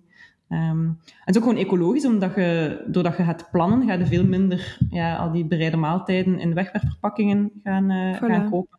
Uh, je kunt dingen in bulk aankopen en grote hoeveelheden gaan maken en zo. Dus het heeft alleen maar voordelen. Het is gewoon een beetje wennen. Het is een beetje oefenen, een beetje leren in het begin en kijken wat er voor je werkt. Heb je een heel klein diepvries, ja oké, dan kun je natuurlijk geen, uh, geen tientallen freezer-friendly gerechten maken. Maar ja, eten blijft zo lang zo goed in de koelkast dat het eigenlijk geen probleem uh, mag zijn. Mm absoluut. En wat ik ook altijd zeg tegen mijn cliënten, van er is niks mis mee naar de frituur te gaan of een, een bereide maaltijd te kopen, maar doe dat dan omdat je daar echt zin in hebt. Mm -hmm. En niet omdat je te weinig tijd hebt om, voilà. om iets anders klaar te maken, want maar dan is dat jammer. Het een oplossing zijn. En ook veel mensen voilà. genieten, dan gaat uiteindelijk ook naar binnen werken, naar binnen schrokken, omdat je gewoon -hmm. hebt honger en ja, de avond moet verder voortgaan, nog duizend andere to-do's bijvoorbeeld dan is dat jammer. Eigenlijk moet het inderdaad zo'n beetje een verwennerijtje zijn, vind ik zelfs. Bij ons ook. Ik denk dat we elke week wel frietjes afhalen of iets anders bestellen. Um, en is echt wel zo naar uitkijken en, en ja, onze tijd nemen om het menu uit te pluizen en dit en dat. En niet rap, rap, rap. Dat is jammer dat tegenwoordig altijd alles rap, rap, rap is. Ja, heel vaak. ja inderdaad. Ja. En, en zoals dat je zegt, je geniet er veel meer van als, als het een bewuste keuze is, omdat je daar zin in hebt. En niet omdat er geen tijd is. Voilà. Dus dat is altijd wat ik meegeef ook. Absoluut. Oké. Okay. Nee, maar de cursus heeft mij echt zeker ook geholpen. Met, want ik ben de grootste chaot. ik ben meestal ook diegene die om zes uur denkt... Oh nee, wat gaan we vanavond eten? Ja, ja, ja. dus dat mealprepping en altijd iets hebben al in de koelkast of iets waar ik iets anders nog van kan maken, ja. dat geeft mij ook enorm veel rust. En, uh, en ook koken meer als een ontspanning gaan zien, in plaats van als een must. Um, want het, eigenlijk ontspant het ook echt. Het is echt een, een, een, um, een, ja, een ontspannende activiteit, vind ik, om te koken. Zeker. En ik denk dat dat voor velen niet zo aanvoelt, omdat ze het zien als iets dat nog moet. Ja. Ja, inderdaad. En op het moment dat ze eigenlijk het druk hebben, of dat ze zo eigenlijk zouden willen ontladen bijvoorbeeld, komen van het werk, ze moeten dan zich rushen naar de winkel en dan moeten ze nog beginnen koken en um, ze moeten nog dit en dat doen en ze moeten nog mails lezen en, en, en, en. en het is allemaal heel veel. Terwijl eigenlijk als je meal prept op een rustig moment, like stel dat je maandag eigenlijk altijd redelijk chill is, want je hebt op maandagavond de restjes van het weekend bijvoorbeeld, zeg maar iets. Ja. En je moet niet gaan sporten en je werk is op maandag relatief rustig. I don't know dat dat bij de meeste mensen zit, dat is bij mij nu wel het geval. Um, dan kun je er inderdaad echt gewoon een momentje van maken. Um, zet je muziek op, hè, zorg dat je muziek in je, uh, in je keuken hebt. Je pakt daar een glas wijn bij, of je lievelingsthee met gember of wat dan ook amuseer je gewoon. Um, mm -hmm. Dus nu doe het met twee. En mijn vriend is heel goed in mise en place. Die snijdt alles mega graag. Ik ben ah, dan zalig. zo... Ja, die vindt dat mega leuk om te doen. Die kan dat keigoed ook. Uh, zijn ja, snijskills zijn een pak beter dan de mijne. Wat dat grappig is, want ik heb veel meer kookervaring dan hem. Maar Ja. ik, uh, ja, ik snij nog op het gemakske. en Ik ben snijdt heel traag in. ja, maar soms is dat het beste, is dat het veiligste. Eh, en dan ben ik degene die de kruiden doet en die het nadenkwerk doet van hoeveelheden en van wat dat samengaat en wat gaat wanneer in de oven. En dat is, dan mijn, eh, dat is mijn pleziertje dan eigenlijk, om echt zo die, die dingen goed op smaak te brengen ook. Dus maak er misschien, of dus nooit een vriendin, hè, dat je een vriendin gewoon één avond in de week meal prept en dan pakt alle twee potjes mee naar huis. Ehm, en dan heb je samen eigenlijk twee, drie, vier dagen eten voorbereid, wat ook mega leuk is natuurlijk. En dan kunnen we elkaar denken. Ja, eigenlijk. Mhm. Misschien met corona iets moeilijker, maar daarna zal dat waarschijnlijk wel, eh, wel lukken, denk ik. Hè. Mhm. Ah, leuk, leuk. Hoe ziet jij de toekomst? Heb je zo'n bepaalde droom waar dat je naar onderweg bent? Of hoe zou je leven, er wil- hoe wilt je dat je leven eruit ziet over vijf à tien jaar? Of zijt je niet zo'n persoon die vooruit plant? Ja, nee, inderdaad. Echt zo dat plannen doe ik minder, omdat, dat je juist ook al zei, met Food Love, dat is zo geëvolueerd. Dat was geen rechtlijnig parcours. Dat was, ik ga catering proberen, dat is mijn ding. Ik ga een workshop doen, ah, dat vind ik wel tof, maar misschien niet te veel. Ah ja, die foodfotografie doe ik erbij, want dat is belangrijk. Ah, mensen vragen mij of dat ze, allee, waar dat ik vaak ga gaan eten bijvoorbeeld, al die toffe adresjes, hoe vind jij die? Mhm. Pak ons een keer mee. Ah, ik ga een foodtour doen. Ah, dat slaat ook aan. Dus ik, ja, mijn pad evolueert zo'n beetje volgens wat dat ik zelf leuk vind en graag doe en wat dat de vraag is van de mensen. Dus eigenlijk is dat heel onvoorspelbaar. Ik wist niet toen ik begon met voedelen wat ik een businessplan dat helemaal niet is wat ik nu aan het doen ben natuurlijk. Um, ik vind ook heel fijn dat dat zo, zo kan variëren. En eigenlijk weet ik ook dus niet wat dat mij de komende twee jaar gaat brengen of wat dat mij gaat boeien de komende twee jaar. Misschien dat ik die e-courses binnen twee jaar beu ben of daar op mijn limiet zit. Um, misschien dat ik een winkel wil beginnen. Misschien dat ik een keramieklijn begin. Ik weet dat niet. Um, maar dat vind ik eigenlijk juist leuk. Dat, wat dan, dat is leuk aan echt ook eenmanszaak zijn natuurlijk. Ik ben echt zelfstandig eenmanszaak. Mm. Um, ik ga misschien assistenten nemen, maar dat is nog altijd iets dat allee, relatief ja, makkelijk wendbaar is, zal ik maar zeggen. Um, ja. Ik kan kiezen wat ik doe en waar ik goestingen heb en ik kijk gewoon wat mij gelukkig maakt. En dat is zo, zo belangrijk eigenlijk. Je kunt heel snel switchen dan op die manier. Um, en ja, waar ik dan dus binnen vijf jaar ga staan, dat weet ik niet. Wat ik gewoon weet is dat iets moet zijn dat mij op dat moment echt gelukkig maakt. Dat op dat moment past bij hoe dat ik in het leven sta. Um, hoe dat mijn, alles evolueert rondom mij, met mijn familie en mijn, mijn vrienden en mijn, uh, mijn gezin of mijn thuissituatie of whatever. Um, en eigenlijk ik wel ook nog heel graag naar het buitenland gaan. Um, mm -hmm. Maar ook dat is helemaal niet concreet. Ik zou heel graag naar het buitenland gaan is dat nu om een cursus te volgen? Is dat nu om daar gewoon een jaar of twee te, te wonen en aan een boek te schrijven? Uh, een tweede boek dan. Uh, is dat om ja, een zaak uit de grond te stampen? Is dat omdat mijn vriend naar het buitenland wil en ik gewoon meega? Uh, hmm. Dat kan allemaal. Ik ga hem waarschijnlijk wel moeten meekrijgen, want hij is al lang naar het buitenland geweest. Ik heb hem ook leren kennen in het buitenland, mijn vriend. Ik weet niet of, dat, of dat je nee, dat weet. Um, mijn vriend uh, heb ik leren kennen in Indonesië, uh, op Gili Air. Hij was daar duikinstructeur. Uh, hij heeft daar een dikke twee jaar gewoond, denk ik. Um, tweeënhalf jaar. En ik heb hem daar dus leren kennen op vakantie. Ja, en we hebben een lange, lange afstandsrelatie gehad, een jaar aan een stuk. En dan is hij naar België gekomen eigenlijk, terug voor mij. Okay. Um, het is een Belg, hè. Hij, was, hij is van het Leuvense. Ja. Um, dus hij heeft eigenlijk wel een beetje zijn buitenlandse avontuur gehad. Um, maar ik heb daar wel nog altijd een beetje nood aan, denk ik. Maar hoe en hmm. wanneer, dat weet ik niet. Maar ja, wil ik wel ook graag zo ja, locatie-onafhankelijk werk. Maar dat die e-courses ja. wel heel goed bij passen, natuurlijk. Uh, maar je hebt ook een beetje waarschijnlijk, hè? Ik heb dat keihard. Ja. Eigenlijk is bij mij... Um, ja, sowieso, vrijheid is voor mij enorm belangrijk. Dat, dat heb ik ook ontdekt tijdens mijn loopbaanbegeleiding een jaar geleden, dat daarmee ook in een team werken, dat dat voor mij niet werkt. Ik, ben, ik heb ook enorm veel schrik om, om iemand aan te nemen, of ook al is het een freelancer, wat dat nu wel mm-hmm. gaat gebeuren binnenkort. Maar ik, ja, ik, ik heb daar ook enorm veel bang voor. Um, en die locatie-onafhankelijkheid, zoals vorig jaar heb ik een maand in Tenerife gezeten en vandaar gewoon kunnen werken. Ik vond dat zalig. Oh, om gewoon niet afhankelijk te zijn van een bepaalde plaats. En het is bij mij ook echt een droom om naar het buitenland te gaan. Is dat voor een jaar? Is dat voor altijd? Oh, my. Ik, weet, ik weet het niet, maar het is bij mij... Ik voel gewoon, bijvoorbeeld, ook als ik in Tenerife ben, ik kom daar al heel mijn leven, ik ben daar gewoon een ander persoon. Okay. Ik, ik, ik, leef daar, ik bloei daar helemaal op. Hier ook, hè, maar daar, dat is, dat is toch anders. Ik vergelijk dan ook echt mijn wandelingen, mijn ochtendwandelingen hier. Dan denk ik aan dat, hoe dat, dat daar is. En denk je, oh, dat is, dat is toch iets helemaal anders. Je kunt soms en... echt daar eens thuiskomen, hè? Ja, voilà. Ik heb ook echt wel met, zowel met Portugal als met, met Indonesië, ik voel me daar echt thuis. Ja, ik voel me daar geen ja. toerist, ik voel me daar geen... Uh, allez, ja, indringer of zo. Mm-hmm. Ik voel me daar gewoon thuis. Um, ja. En dan het idee van daar dan een huisje te, te kopen of te huren of zo. Maar echt zo, lijkt dat echt van heel mijn leven misschien, dat, dat vind ik een moeilijke. Ik zou het moeilijk vinden ja, om mijn kleine maar... neefjes niet te zien, bijvoorbeeld. Ja. Om die niet te zien opgroeien. En dat is, het, dat is wat ik ook niet weet, hoor. Uh, daarmee dat ik, ik zou beginnen met zeggen van het is voor een jaar en we zien wel. Mm -hmm. Want ik vind het ook veel te eng om te zeggen het is voor de rest van mijn leven. Maar ik, zeg, ik sluit dat niet uit, dat dat zou kunnen. En ik zou ook nog niet weten waar, want Tenerife is voor mij wel echt mijn tweede thuis. Maar je zit er wel op een eiland. Ja. En daar heb ik dan zo wat schrik voor. Ik wil wel eigenlijk...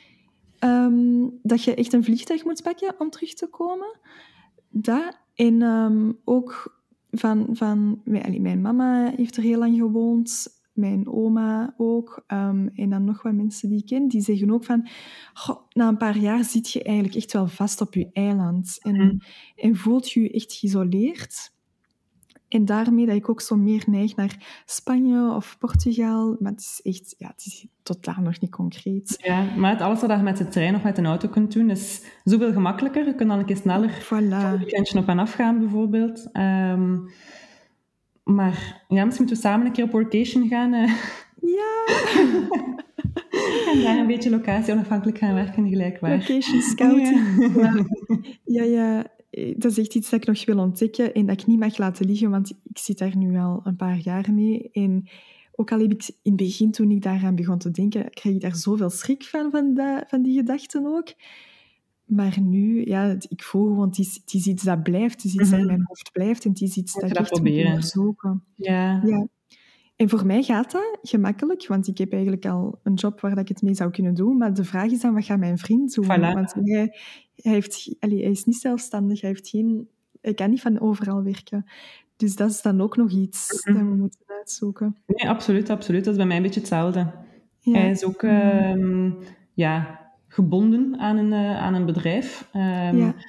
ja. wie weet waar dat hij gaat zitten natuurlijk. Binnen een paar jaar, dat weet je allemaal niet. Hè? Um, nee, nee, nee. Maar dat zal iets zijn om te evalueren de komende, de komende tijd. En wie weet gaat die goesting bij mij ook over om naar het buitenland te gaan. Weet, wordt die sterker? Ik weet het niet. Ja. Erg heb ik het gevoel van, er moet misschien zo van buitenaf zo een uh, bepaalde kans komen. dat iemand mij gewoon zegt van, kijk, ik een half jaar hier in Portugal op mijn huis komen letten. Oké.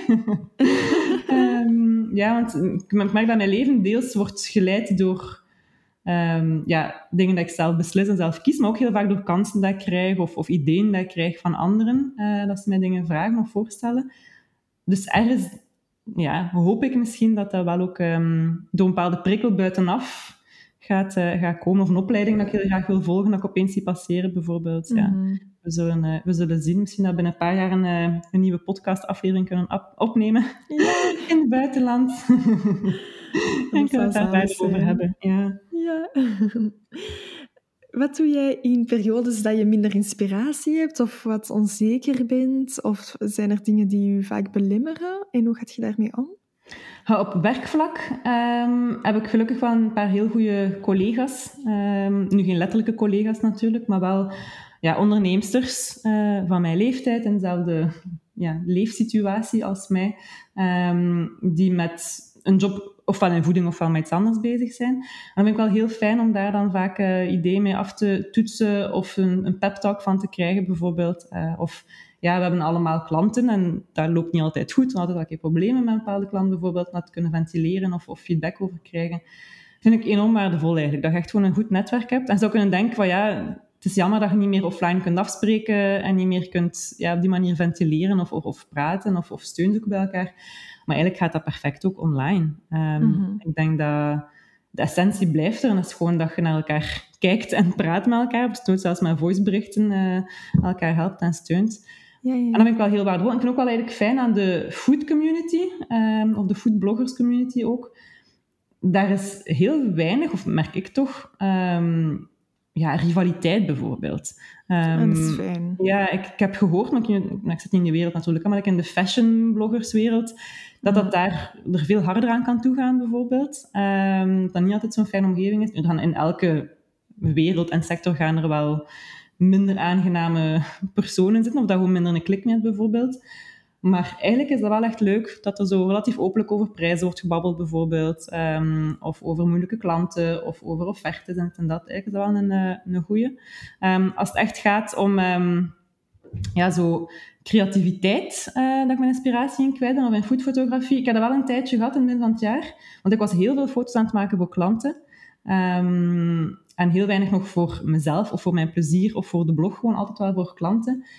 En samen met dat imposter syndrome had ik gewoon zo vaak um, ja, stress van ze gaan het niet goed genoeg vinden en gaan ze, het, gaan ze de foto wel oké vinden? Heb ik wel het juiste lepeltje gepakt? Hadden ze misschien niet een roze servet gewild in plaats van een lichtblauwe servet? En zo elk, elke keuze dat je dan maakt op vlak van creativiteit ben in vraag te stellen. Mm -hmm. um, en dat belemmerde mij enorm, dat verlamde mij soms echt om te beginnen aan een fotoshoot bijvoorbeeld.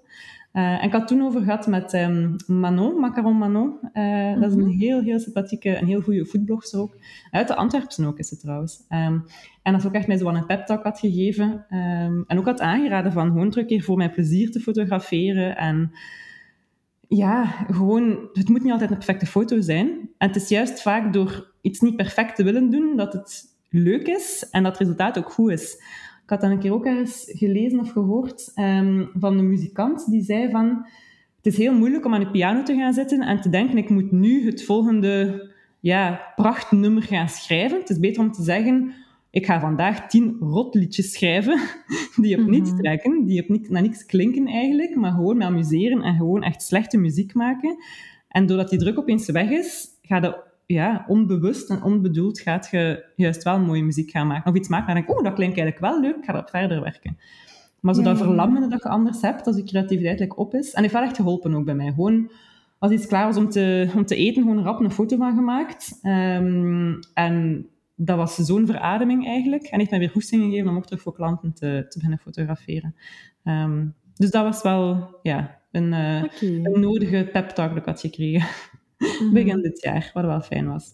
Zalig. Dus voornamelijk praten met collega's Ja, Absoluut. En zo druk wegnemen op een bepaalde manier. Mhm. Dat het weer voor de fun is en niet omdat de klant moet tevreden zijn. Ehm, maar als je perfectionistisch bent, had ook waarschijnlijk een beetje, hè, dat dat een klant...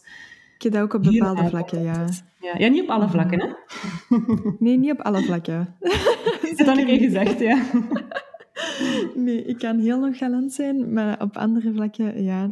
Maar blijkbaar is dat normaal, hè? Dat als je perfectionist bent, dat dat maar op bepaalde dingen is. Ja, Ik kan ook echt zeggen, voort.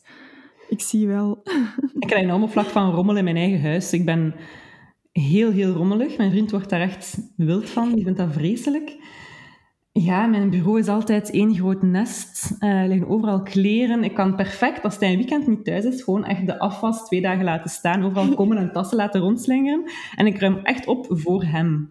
Ehm, zodat mijn werk ook dan wel alles in lijstjes zit en alles georganiseerd is en dat ik alles op voorhand weet en gepland is. Ehm, en dat de klant zeker perfect eh, content is. Maar ik denk inderdaad, juist omdat we op bepaalde vlakken zoveel eisen van onszelf, dat we juist loslaten of moeten loslaten, want anders gewoon te veel wordt. Voor onze Mhm, mentale gezondheid kunnen we niet op alle vlakken, denk ik, eh, compulsief perfectionistisch gaan, eh, gaan zijn. Nee, klopt. Ik heb nu ook mijn cursus over emotioneel eten, food en feelings. En daar ook ehm, ging het even over perfectionisme, dat vaak perfectionisten het eten als uitlaatklep gaan zien. Dus alles is perfect in hun leven en dan wel... Ze zijn dan wel vaak emotionele eters en daar laten ze alles los. Ja. Ehm, Of omgekeerd eigenlijk ook. Hè? Mensen die weinig controle hebben over hun omgeving Zeker, en daar heel erg van afzien, dat ze dan juist op vlak van eten... eh, Ja, ja, ja. ja. Dus dat is vaak een balans. Kan in beide richtingen gaan. Mhm. Absoluut. Oké, je zei het er net al, de Mindset Dietitian podcast is een verlengstuk van mijn job en het ideale platform om het uitgebreider te hebben over de relatie tot voeding en lichaam. Jij werkt continu met eten. Is uw relatie tot eten altijd goed geweest? Ik denk eigenlijk van wel. Ehm, Ik heb echt zitten voeten in mijn eh, geheugen ehm, de laatste tijd van... Was ik ooit niet gezond bezig? Of niet op een gezonde manier met voeding bezig, zal ik het zo zeggen. Ehm, maar ik heb eigenlijk sinds mijn jeugd... ik heb nooit moeten diëten, ik heb nooit moeten vermageren. Ik heb de, de grote luxe van een heel goed metabolisme te hebben, al sinds kind Mhm. eigenlijk. Mijn gewicht blijft heel stabiel. Ehm, ik kan een keer na de feestdagen een beetje zwaarder zijn, bijvoorbeeld. Maar door gewoon weer normaal te eten en te bewegen, kom ik weer tot mijn normaal gewicht. Eh alleen normaal, ja, wat is normaal natuurlijk, hè? maar mijn, mijn doorsnee standaard gewicht. Ja. Ehm, ook van thuis uit. Mijn mama was nooit op dieet, was nooit bezig met calorieën tellen. Ehm, ze heeft ons gewoon met heel veel groenten en fruit opgevoed. Heel veel kruiden, heel veel vis, heel weinig vlees. Toen ik op kot ging en voor de eerste keer naar de slager ging ehm, en al die vleesbereidingen zag liggen, ik kende de helft van de dingen bijvoorbeeld gewoon niet. Ik weet nog altijd niet wat de helft van de frituursnacks zijn, bijvoorbeeld. Ehm, zodat heel veel mensen daar misschien meer mee zijn opgevoed geweest. Dus dat was bij ons eigenlijk een heel ja, gebalanceerde voeding. We aten ook kwiek natuurlijk, hè, of, eh, of frietjes, daar niet van. Maar ik heb dat zeker niet van thuis uit mee, wat ik wel vaak hoor van vriendinnen. Dat ze het voorbeeld zagen van mama was nooit content met haar lichaam, eh, haar lichaam. Dus we hebben dat een beetje meegekregen. Ehm, dat had ik zeker niet. Ehm, en ik denk dat ik juist meer ben geëvolueerd naar gezond eten. Dus niet van eten om af te vallen, maar wel eten om zo gezond mogelijk te zijn. En ook in mijn studententijd, ja, je laat je wat gaan. Je eet vaker pizza, je drinkt dan een keer biertjes of wijntjes met de studenten en zo. En ja, je, zet dat wel, je merkt dat wel de effecten, zeker op je energieniveau bijvoorbeeld, als je ongezonder Mhm. eet. Ehm, en dan daar wel proberen een soort van compensatie misschien te vinden in wat is gezond. En dan je door marketing laten overtuigen dat je moet 's morgens citroensap of azijn drinken eh, op een nuchtere maag. Ehm, of, of ja, je moet matcha lattes drinken omdat dat gezond is en niet omdat dat lekker is. Uh, of je moet goji berries uh, kopen, wat dat miljoenen kost. Je bent wel gevoelig voor zo'n dingen natuurlijk, maar dat was bij mij nooit met de bedoeling om te vermageren. Um, nee. nee uh, integendeel. Um, want als ik dan een keer vermager, dan krijg ik heel vaak commentaar van oei, je ziet er echt niet goed uit, je ziet er echt niet gezond uit. Mm. En je bent een keer ziek geweest of zo. En dan... Dus ik moest zeker niet vermageren. Um, maar ja, die gevoeligheid voor de superfood hypes en wat dat ook nu nog altijd op ons afkomt natuurlijk. Hè. Dan is het een keer paleo, dan is het keto, dan is het met een fasting. Het is het een en het ander voor elkaar op. En je bent gewoon gevoelig voor marketing en je hebt dat wel interesse. Maar bij mij is het wel het ding, ik ben daar redelijk sceptisch in, denk ik. Ik hou dat dan drie dagen vol. ik koop dan spirulina in mijn, mijn smoothie te doen s'morgens. En ik denk, bah, ik vind dat vies, ik ga dat niet meer gebruiken. Ja. Um, dus ik ben daar redelijk nuchter in wel. Maar wel gevoelig voor prikkels en voor ja, interesse te krijgen. Het waarschijnlijk ook een beetje. Hè? Je weet heel goed wat dat er eigenlijk waar en niet waar is, maar toch zijn ook gevoelig voor ik heb echt wel een periode gehad, zo bijna naar het orthorexia toe. Zo gezond mogelijk altijd. Geen uh, niet volkoren pasta meer willen eten. En eh, ja, bij mij is dat eventjes echt wel een obsessie geweest. Um, wat gelukkig nooit is doorgeslagen, maar dat is wel... Ja, het is eigenlijk een heel gevaarlijke trend tegenwoordig. Hè? Zo gezond mogelijk en, en letten op elke hap dat je eet. Niet inderdaad per se om te vermageren, maar uit schrik dat je... Wat is het allemaal? Toxines in je lijf zou krijgen. En dus daar ben ik, ben ik even wel mee ingegaan, heel hard. En gelukkig snel uitgekomen. Ja, maar... Um, ik denk voor mensen die daar altijd heel gevoelig voor zijn... Um, Carola's Kitchen, Caroline Oelaerts. Ja. jullie komen ook overeen, denk ik, hè? Um, ja, ja, ja. Jullie zitten op dezelfde lijn, denk ik, op vlak van voeding. Um, ja, zeker. Zij is daar ook heel nuchter en heel hard in soms zegt van, dat is gewoon onzin. Um, Vind ik zalig aan haar. Ja, dat, Is, dat is echt van, dit is gewoon, ja, bol. um, heel verhelderend. En ik denk mhm. vaak een wake-up call voor heel veel mensen, de manier dat ze communiceert. En dat is wat we nodig hebben. Omdat wij... Absoluut. Wij zijn gewoon gemaakt om... Allee, nee, ik zal het anders zeggen. Marketing is gemaakt om ons te doen twijfelen en toch overstag te doen gaan en toch iets uit te proberen. En je bent inderdaad bang om, om ziek te worden later. En ze maken je bang dat je kanker gaat krijgen als je dit of dat niet eet. Of je gaat, hè, ik had ook in je podcast gehoord van als je suiker eet, dan zouden kankercellen doen groeien, bijvoorbeeld. Ja, ja, Wat is dat allemaal? Ja, um, je wordt gewoon bang gemaakt door bepaalde dingen. Dat is echt niet oké.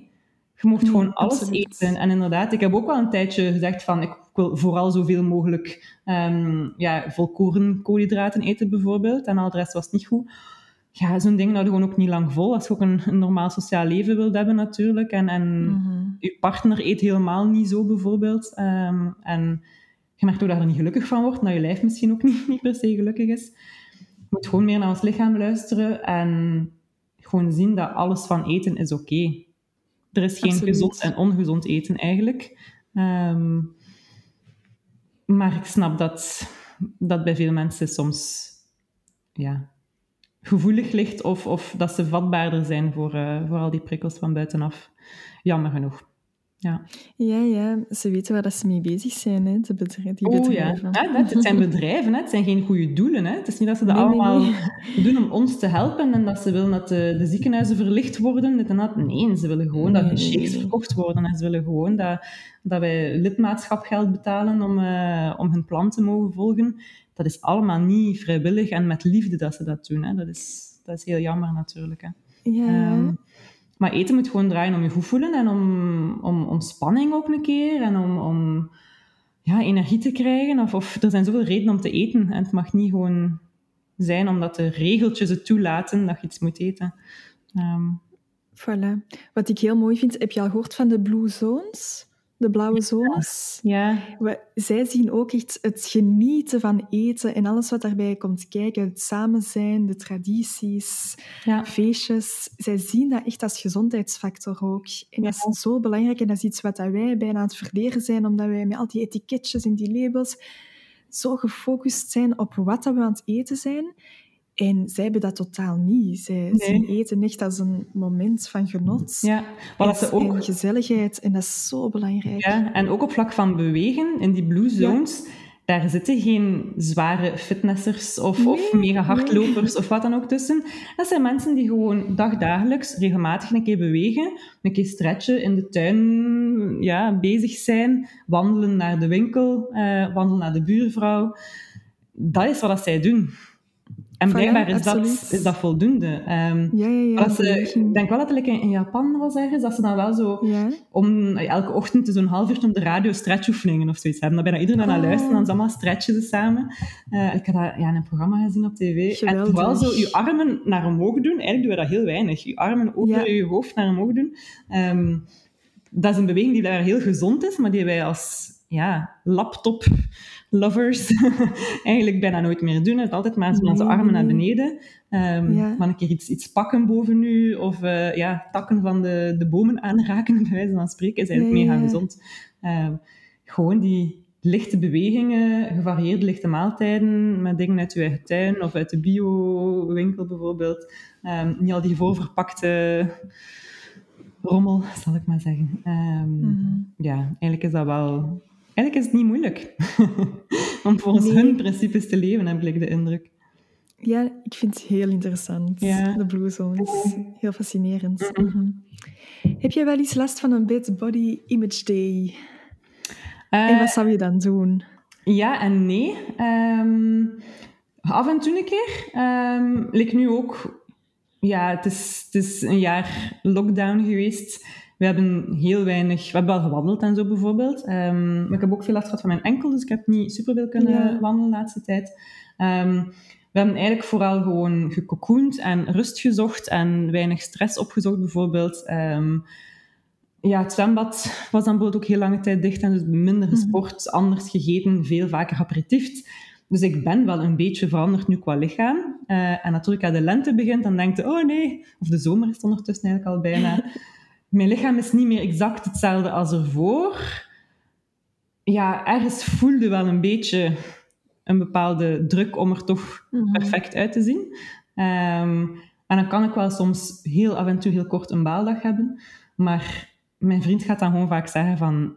Het is oké, je ziet er mega goed uit. um, ik zie graag dat je zijt. En dan voel je direct weer beter, natuurlijk. Um, Die geeft mij zo vaak complimentjes dat ik eigenlijk... Ik word wakker en ik krijg een complimentje. Mm, bijvoorbeeld. Dat is, super, ja, dat is super lief. Dat is echt heel waardevol. Iemand die gewoon echt oprecht ook natuurlijk uh, een goed gevoel heeft. Dus door externe prikkels zijn die body image days wel, uh, wel vaak wat minder. Maar ook gewoon door zelf een keer te zeggen van... Oké, mijn buik is misschien een beetje slapper dan anders, maar dat is oké. Okay. Um, ja, mijn benen werken nog altijd supergoed en um, ik, ik, ik voel me goed in mijn vel en mijn huid is, is, is zacht en ah, you know, mijn haar is, is oké. En er zijn altijd wel dingen aan je lichaam dat, dat wel goed zijn, waar je op dat moment wel blij mee bent, maar gewoon om dat een keer te gaan benoemen. Um, dat doen we veel te mm. vaak te weinig. Uh, we, we zeggen heel vaak van, ah, dit is niet goed en mijn voeten zijn te groot en, uh, en mijn haar is te kort of, of wat dan ook. Gewoon een keer benoemen wat er wel goed zit. Er is heel veel aan het lichaam dat eigenlijk mm. wel echt mooi zit. En daar veel liever en veel milder naartoe zijn. En milder zijn aan de dingen dat dan weer ja, niet optimaal zijn naar ons ideaalbeeld, jammer genoeg. Um, dat doe heel veel, denk ik. Uh, wat ik het wel moeilijker mee heb, en ik heb het ook onlangs tegen u verteld, ik heb veel last van acne. Um, Dat is echt mijn ups en downs. Dat is al sinds mijn 13 jaar. Ik word volgende week 33, al 20 jaar dat ik acne heb. Um, en soms is dat niks en soms is dat een heel grote uitbarsting. En daar kan ik me hmm. echt wel onzeker over voelen. Um, omdat, ja, je linkt dat toch wel ergens met, met gezondheid. Um, Jammer genoeg hè, heerst er heel vaak een, een, een, verkeerde, een verkeerd beeld over mensen met veel acne. Ze zijn ongezond of eten waarschijnlijk ongezond. Um, dat is helemaal niet waar natuurlijk. Maar... Nee, nee, nee. En als je dan voor een groep mensen moet staan en je moet ze entertainen bijvoorbeeld, uh, als je dan als je kin vol staat met uitslag, dan voel je gewoon heel onzeker op dat moment. Um, dat is echt je visitekaart als je met gezonde voeding bezig bent. Dus ik ben eigenlijk wel blij dat dat nu ook iets minder is. Dat, of dat ik mijn mondmasker kan buiten rondlopen, bijvoorbeeld ook. Ehm, maar ja, ik, ik zit zelden heel lang echt in een heel slechte, slechte vibe. En dat is door enerzijds hoe dat je zelf in je eigen praat, denk ik. En anderzijds ook hoe dat je omgeving is. En als mensen rond u supportive zijn en lief zijn, dan valt het vaak heel goed mee, denk ik. En ook moet je natuurlijk wel geloven. Hè? Als je niet gelooft wat mensen zeggen van complimentjes, Ja, ja, ja. Ik weet niet wat jij daarvan van denkt, wat jij doet met een bed, Body Image Day. Ja, mijn lichaam is enorm veranderd de laatste jaren. Eigenlijk heb ik altijd al een raar lichaam gehad dat constant verandert. Ik heb sinds mijn veertien enorme gewichtsschommelingen. Zonder dat ik daar echt een oorzaak... Ik, ik heb het altijd aan de pil geweten, maar het, ja, ook al veranderde ik van pil, bleef dat wel. Mhm. Ehm, ik heb ook een tijd zonder anticonceptie gedaan, bleef het ook. Dus dat is het niet echt. Er is bij mij gewoon een enorm verschil aan, tussen zomer- en wintermaanden. Ja. Ik ik heb ook wel de laatste jaren ingezien dat ik ook wel veel meer eetlust heb in de winter. Wat uiteraard leidt tot meer eten Mhm. en een hoger gewicht. Dus, maar dat is eigenlijk ook gewoon mijn lichaam dat, dat meer energie vraagt, blijkbaar, in de winter. Maar ik heb het daar jarenlang echt heel moeilijk mee gehad. Echt mee gestruggeld, uh, mij heel hard geschaamd als ik was bijgekomen. Maar uiteraard als tiener is dat het allerbelangrijkste, hè? hoe dat je eruit ziet. Ja. Ik was als kind altijd heel mager. Uh, iedereen was jaloers op mij, omdat ik altijd... Ja, iedereen zei dat ook tegen mij. Oh, jij kunt alles eten en je Mhm. komt niet bij. En ja, dat heeft, dat heeft wel echt een stempel op mij geplakt. Dus ik had het daar heel moeilijk mee toen dat, dat ineens wegviel. Ja. Ook toen dat die complimenten ineens ook Ah, wegvielen. ja. Want mensen zagen dan uiteraard dat ik wel bijkwam. En ja, ik heb, ik heb daar heel lang mee gestruggeld. Nu, eigenlijk sinds, ja, sinds dat ik zelf met dat intuïtief eten bezig ben, ehm, is dat heel veel verbeterd. Is dat echt, want nu, ja, ik, ik weeg makkelijk 7 à 10 kilo meer dan vijf jaar geleden. Of dan de periodes. Mhm. Nu blijft mijn gewicht veel stabieler. Mhm. Terwijl de jaren daarvoor was het echt, kon het op een jaar tijd 5 à 10 kilo schelen, wat dat heel veel is. hè? Ja, inderdaad. En dat, dat- ik zag dat natuurlijk, dat, dat was een enorm verschil.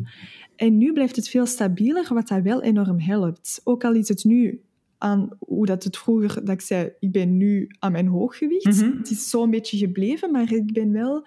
Ik heb dat nu wel veel beter kunnen accepteren, omdat het nu wel zo ongeveer hetzelfde blijft. Het schommelt nog altijd een beetje zo tussen winter en zomer. Maar dat is ook normaal. Maar- Dat is ook helemaal oké. Voilà, dat is heel normaal. En ik dacht altijd dat het bij mij gewoon te veel was. Dat ja, 5 à 10 kilo, als ik dat dan tegen iemand zei, die dacht van wow.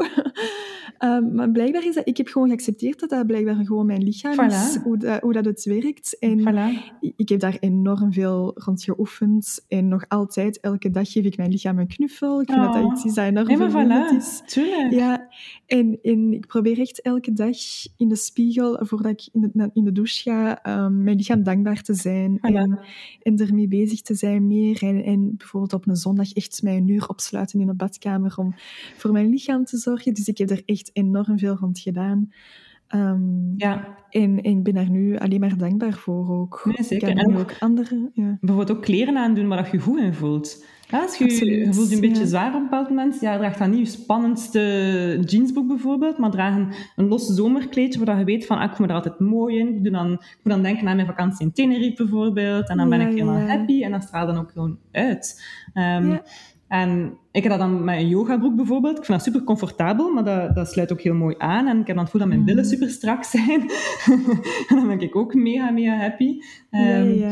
dus ja, draag gewoon zorg voor je eigen, zij lief voor je eigen en, en soigneer u. ehm, op, een, op een lieve manier. Hè? En niet van, ik moet nu honderdduizend keer over mijn billen wrijven, want die cellulitis moet weg. Nee, Mhm, mhm. pak dat vast en, en, en wrijf dat liefdevol in met bodycrème of zo. Ehm, en zijn gewoon dankbaar dat, dat uw benen ook gewoon er nog zijn en werken en u overal mee naartoe nemen. En, en Absoluut. ja, er zijn altijd dingen om dankbaar voor te zijn. Dat is zeker, Voilà. absoluut. Dus dat, dat, dat geef ik ook altijd mee. Focus op, op wat dat je lichaam doet voor je. Want eigenlijk zijn wij allemaal niet op de wereld gekomen om er mooi uit te zien. Nee. Dus Inderdaad. daar, zijn, daar zijn we hier niet voor. Ja. Dus focus op wat dat je kunt doen dankzij je benen, je armen, je buik. Ehm, en, want dat is, eigenlijk, ja, dat is eigenlijk de bedoeling ook. Absoluut. eigenlijk- En aanvaard complimenten dat je krijgt. Ja, mhm, absoluut. En geef er zelf Ja. ook vaker en gaat er misschien ook iets meer terugkrijgen van die mensen. Dat je merkt van, eigenlijk dat wel echt leuk om een complimentje te geven. Ja, ja, ja. Want dat is superleuk als ik nu like, ook... Ik zag een vriendin gisteren en dan zei ze... Oh, maar Stefanie, hij straalt zo. En ik dacht, oh, Oh. echt? Dat is Oh. mega leuk. En nee, dat is... ja, ik vind stralen vind ik een van de leukste complimenten om te krijgen. Dat is, dat is toch veel toffer om dat te horen dan... Oh, je haar ligt mooi. Of oh, je, je, je hebt een tof kleedje. Of, ja. ja, dat, is, dat is ook leuk, maar dat blijft heel oppervlakkig. En dat is niet de reden waarom dat mensen u graag hebben. Voilà. Um, bijvoorbeeld, oh, je, je, je, je, luistert zo goed naar mij altijd. Of je zijt er altijd voor mij. Of um, ik ben graag bij u. Dat zijn dingen die toch die toch heel waardevol zijn, Horen. Ja, mhm. absoluut, absoluut. Die veel dieper gaan dan de oppervlakkige... Ah, je oorbellen zijn tof. Wat ook leuk is om te horen natuurlijk. Als je daar net geld aan hebt uitgegeven bijvoorbeeld, mhm, of hebt staan mhm. twijfelen of wat dan ook. Maar um, ja, soms verwachten we dingen van anderen, maar doen het eigenlijk zelf niet naar hun toe. Dus misschien moeten we ook gewoon iets vaker complimentjes geven naar elkaar toe. Ik babbel graag met jou, Alessia. Ik vind dat heel fijn. Oh, ik word heel rustig van jou. Ik vind het een hele fijne ochtend, maandagochtend. Ja, inderdaad. ik heb nog zo een laatste reeks toegevoegd. Ehm, ik vond dat wel tof. Cool. De Tis. Dus ik, ik, ga altijd twee dingen opnoemen en dan is de bedoeling dat jij zegt, oké, ik vind... Dat is hetgeen dat ik het leukste vind. Alright. Maar een klein woordje uitleg erbij of gewoon... Dat mag, dat mag. Dat mag.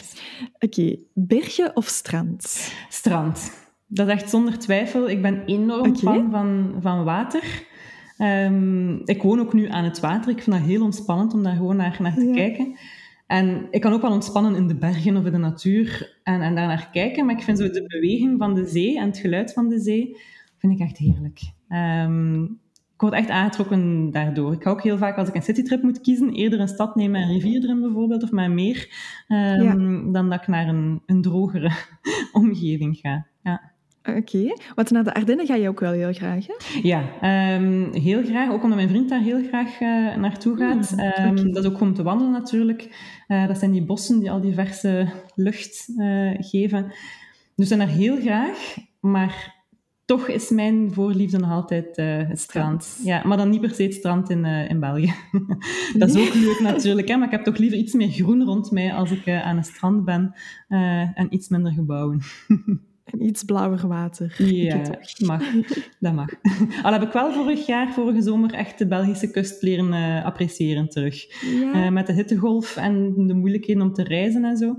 Een weekje daar geweest en dat was echt heerlijk. Dat ik echt dacht, oh, ik snap het toch terug. Ik begrijp het weer, waarom dat mensen graag naar de Belgische kust gaan. Mm -hmm. ja. zeker.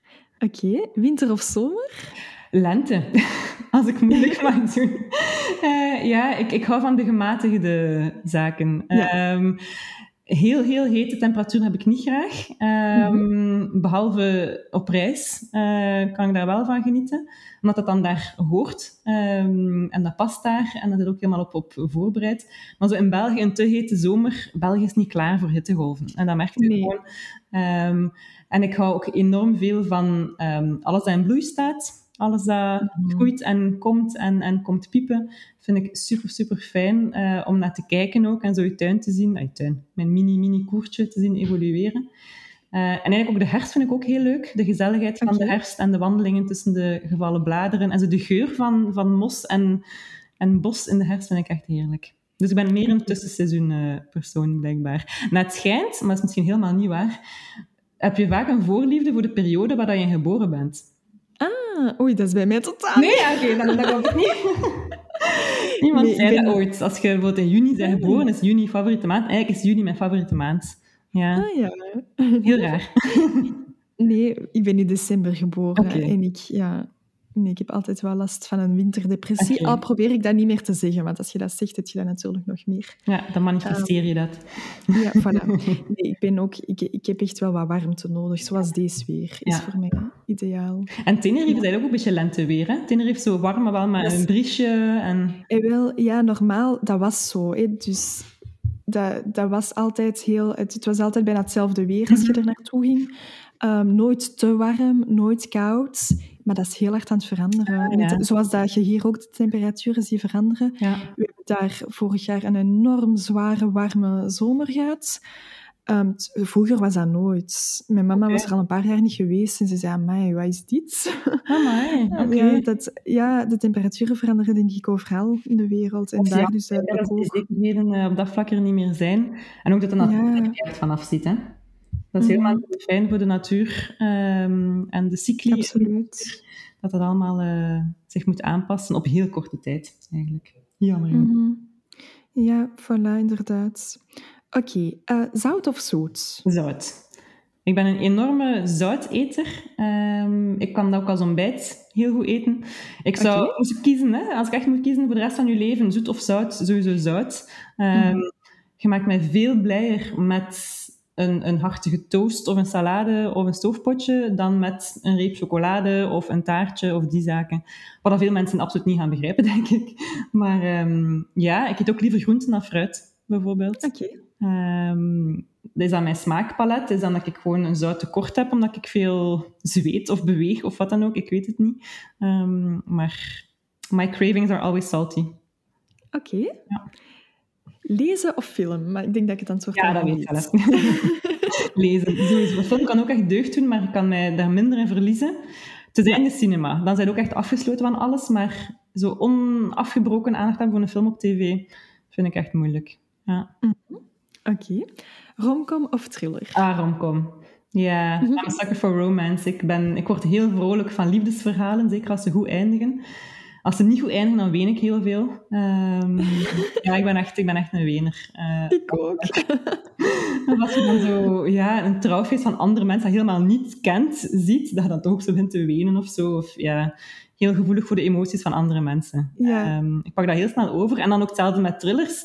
Ja, mensen zijn bang. Ik word dan ook bang. Mensen worden nerveus. Ik ben dan ook nerveus. Ik vind dat niet leuk om die negatieve Mhm. emoties te hebben of gevoelens te hebben.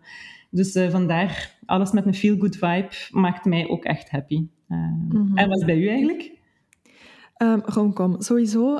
Maar dat is, een, een, dat is een groot probleem bij mij en mijn vriend. Wij komen op dat vlak totaal niet Ja. overheen. Eigenlijk op alles, hè, van films. Alles wat hij graag ziet, zie ik niet graag en omgekeerd. En dat is wel jammer, want je wilt dan zo af en toe samen een film kijken, maar wij zitten dan een uur te zoeken naar welke film dat Ja. we gaan zien. En dan wil ik al gaan slapen. Heel herkenbaar. Nee, absoluut. Voor ons ook heel moeilijk om een Netflix-serie of zo samen te Ja. kijken, bijvoorbeeld. We hebben nu, het laatste dat we hebben gekeken samen was ehm, The Queen's Gambit. Vonden we alle twee Ja. goed. Heel goed. Ehm, en Outlander zijn we ook beginnen kijken. Maar ik ben me daar een tijdje al te vervelen. Omdat het altijd wel een beetje hetzelfde verhaal is. En ook omdat het altijd wel misgaat. Ik vind het niet leuk als het altijd Mhm. misgaat. En als ze iets moeten oplossen. Het mag een keer ook gewoon Nee. goed gaan. ja, Ehm, ja. ja. ik ben daar een beetje te gevoelig voor. Ik krijg, ik krijg dan nog te veel stress, want er gaat weer iets misgaan. Hè? En gaat het wel kunnen oplossen? Uiteraard kunnen we het oplossen. Maar dan moeten er weer mensen sterven en dit en dat. En nee, ik... En dat is, Ja, ja, ja. ik denk dat dat bij veel koppels wel zo is. Ehm Ja, frustraties. En dan moet je ja, apart tv kijken, wat ook een beetje stom is. Ja. Maar dat doen we nu meestal wel. Dan kijkt hij naar zijn zombies van The Walking Dead. Dan ben ik een boek aan het lezen. En dan gaat hij slapen. Dan kijk ik naar een of andere meisjesserie. dat werkt voor ons, ja. Ja, we gaan dat ook gewoon moeten accepteren. Want ik blijf dat zo jammer vinden om apart tv te kijken, maar het is nu zo. Ja. Of gewoon eigenlijk niet tv kijken en iets anders gaan doen samen is eigenlijk ook wel leuk. Voilà, want wij zijn net verhuisd en we hebben onze tv niet mee verhuisd. Oh, super. Ja, maar ja, ik kijk dan ook op, op mijn laptop, laptop, gewoon. ja, nee, dat is en waar. hij op de iPad. Ja. En... dus ehm, ja, maar het is wel de bedoeling om, minder, om meer te lezen, minder tv te kijken Ja. en meer samen Voilà. te gaan wandelen s'avonds of, of gewoon eens te babbelen. hè. Ja. Maar het is ook oké om af en toe een keer tv te kijken. Maar niet als Zeker. standaard oplossing voor ik ben uitgeput. Misschien moet je kijken waarom ze altijd zo uitgeput. Ja. Waardoor dat je tv moet gaan kijken. Misschien kun je na het eerste wandelen, gaat je batterijen opladen of moet je iets anders eten s'avonds en ga je daardoor ook minder in de zetel willen eh, liggen en nooit meer uitkomen. Soms is dat wel interessant om, eh, om te bekijken. Dat, dat is wat we dan vooral mijn vriend is gaan beseffen als wij nog wel een tv hadden, dat dat gewoon standaard op stond, Mhm. eh, zonder erover na te denken van wat, wat wil ik nu eigenlijk doen, dat, die, dat dat een automatisme was geworden om die tv Ja. op te zetten. En, en ja, dat, vind, dat vonden we allebei een beetje jammer. Terwijl nu is het wel echt een bewuste keuze. Je, Mhm. je denkt, nou, wat, wat wil ik doen? Je moet je laptop erbij pakken, je moet dat opzoeken. Ja. Ehm, dus dat is wel, ja, ik vind dat wel een veel gezondere manier. ja, en ook niet te vaak voor tv eten. Dat, doen wij, of dat Nee. deden wij zeker heel veel in de winter. Ehm, automatisch je bord gewoon meepakken naar de zetel en, Voilà. en je begint tv te kijken. En ja, je, s- Ja. je komt daar heel moeilijk uit, uit een, een, een Mhm. tv-avond. Hè. Je, je bent echt Ja, ingezogen eh, in tv. Dus wij proberen echt wel bewust te kiezen, oké, wat doen we? Eten we aan tafel of eten we in de zetel? En dan hebben we altijd Ja. van, oh ja, nee, we gaan babbelen en we gaan eh, aan tafel blijven zitten, dan is dat goed. hebben we alle twee echt gewoon niks om over te praten, dat we alle twee uitgeput zijn, dan is dat oké, okay, moet je Ja. weten gaan zitten natuurlijk. Of, Voilà. of dus onze krant erbij te nemen.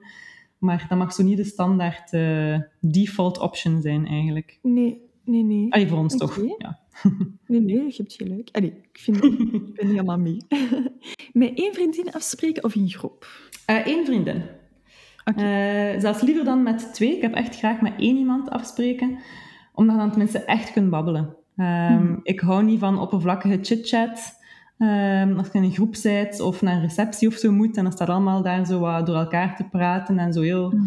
Hoe is het met werk? Ah ja, goed, druk, druk, druk. Ja, ja, ja, ja, ah, ja, ja, ja. En hoe is het met de kinderen? Ah, tof, tof, tof. Ja, ja. Ja, hoe is het echt met u? Ja, Dat wil ik weten. Ik wil niet weten wat ik eigenlijk ook op Instagram zie passeren. Of wat ik allee, al weet Mhm. door naar u te kijken. Ehm, ik wil echt weten wat het is met u. Ehm, en ook zelf delen hoe dat is met mij. Dat heeft vaak wat tijd nodig. Je moet echt, ja, echt goed kunnen luisteren en praten Ja. om tot essentie te komen. Ehm, de echte verhalen te horen. En ik vind een groep altijd een beetje moeilijker. Mhm. Dat vraagt ook veel energie van mij om groepsgesprekken te, te voeren. Ik heb ook altijd het gevoel dat ik er niet tussen geraak. Dat ik iets wil zeggen, maar dat Ja. zo... Wanneer moet ik het dan zeggen? En dan wachten en dan wil ik iets zeggen, maar dan is de ander al bezig. En, dan, en dat vind ik heel, heel jammer. Ehm, het gelukkig in sommige vriendenkringen dat mensen daar juist heel alert voor zijn en attent voor zijn. Echt gaan zeggen van, ah, wil je nou iets zeggen? Ah, zeg maar. Als ik zie dat Stef iets wil zeggen, ah ja, doe maar. Eh, of dat je ook vice versa naar elkaar doet. Maar soms zijn er gewoon heel aanwezige mensen in een groep die ja, alles naar zich toe trekken. Ik hoop dat ik dat niet ben. Ehm, of dat ik niet zo overkom bij mensen. Of toch niet altijd. Misschien gewoon een keer een dag dat je like, veel wilt vertellen. Dat snap ik.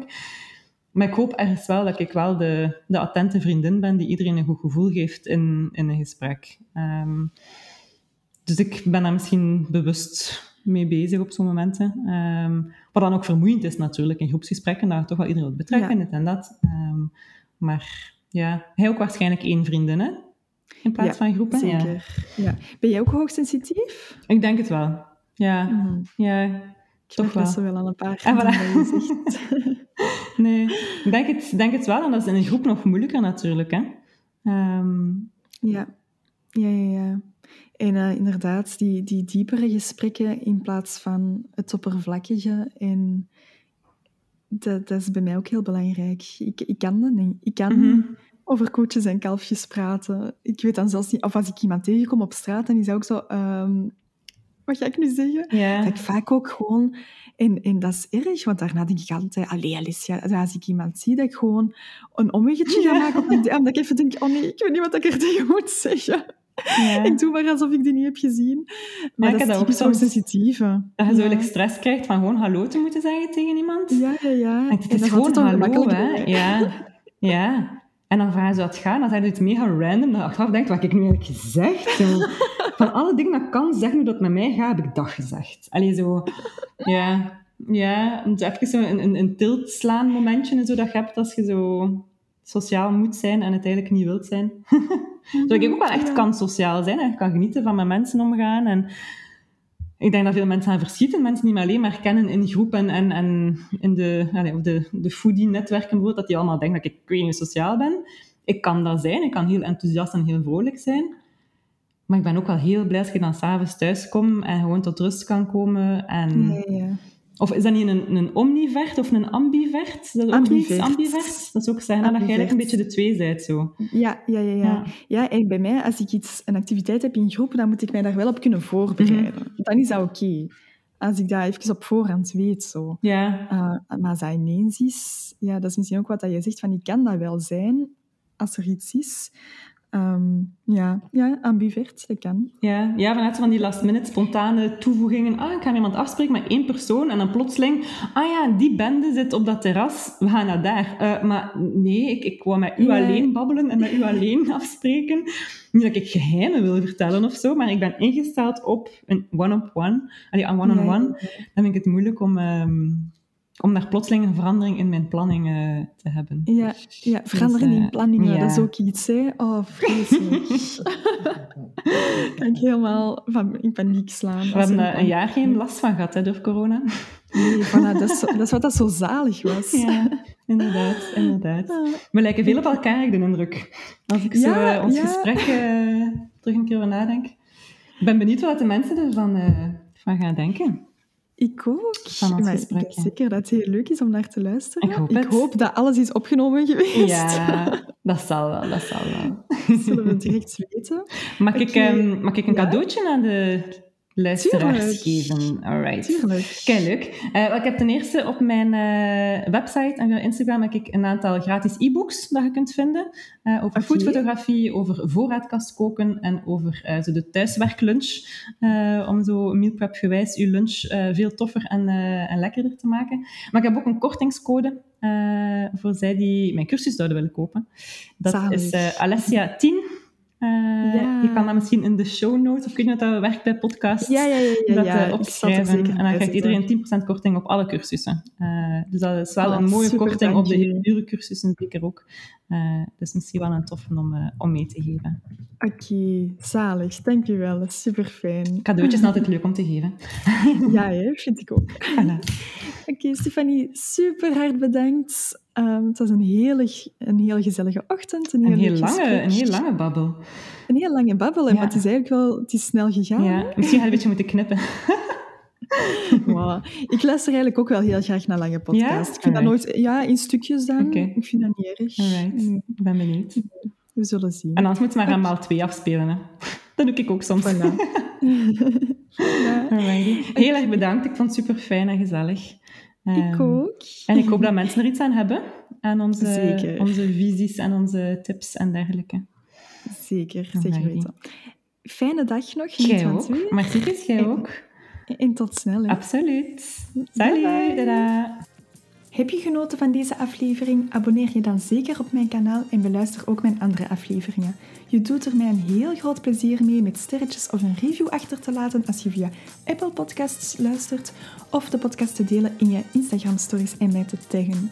Ik vind het geweldig om te zien van waar dat je luistert. Veel liefs en tot binnenkort.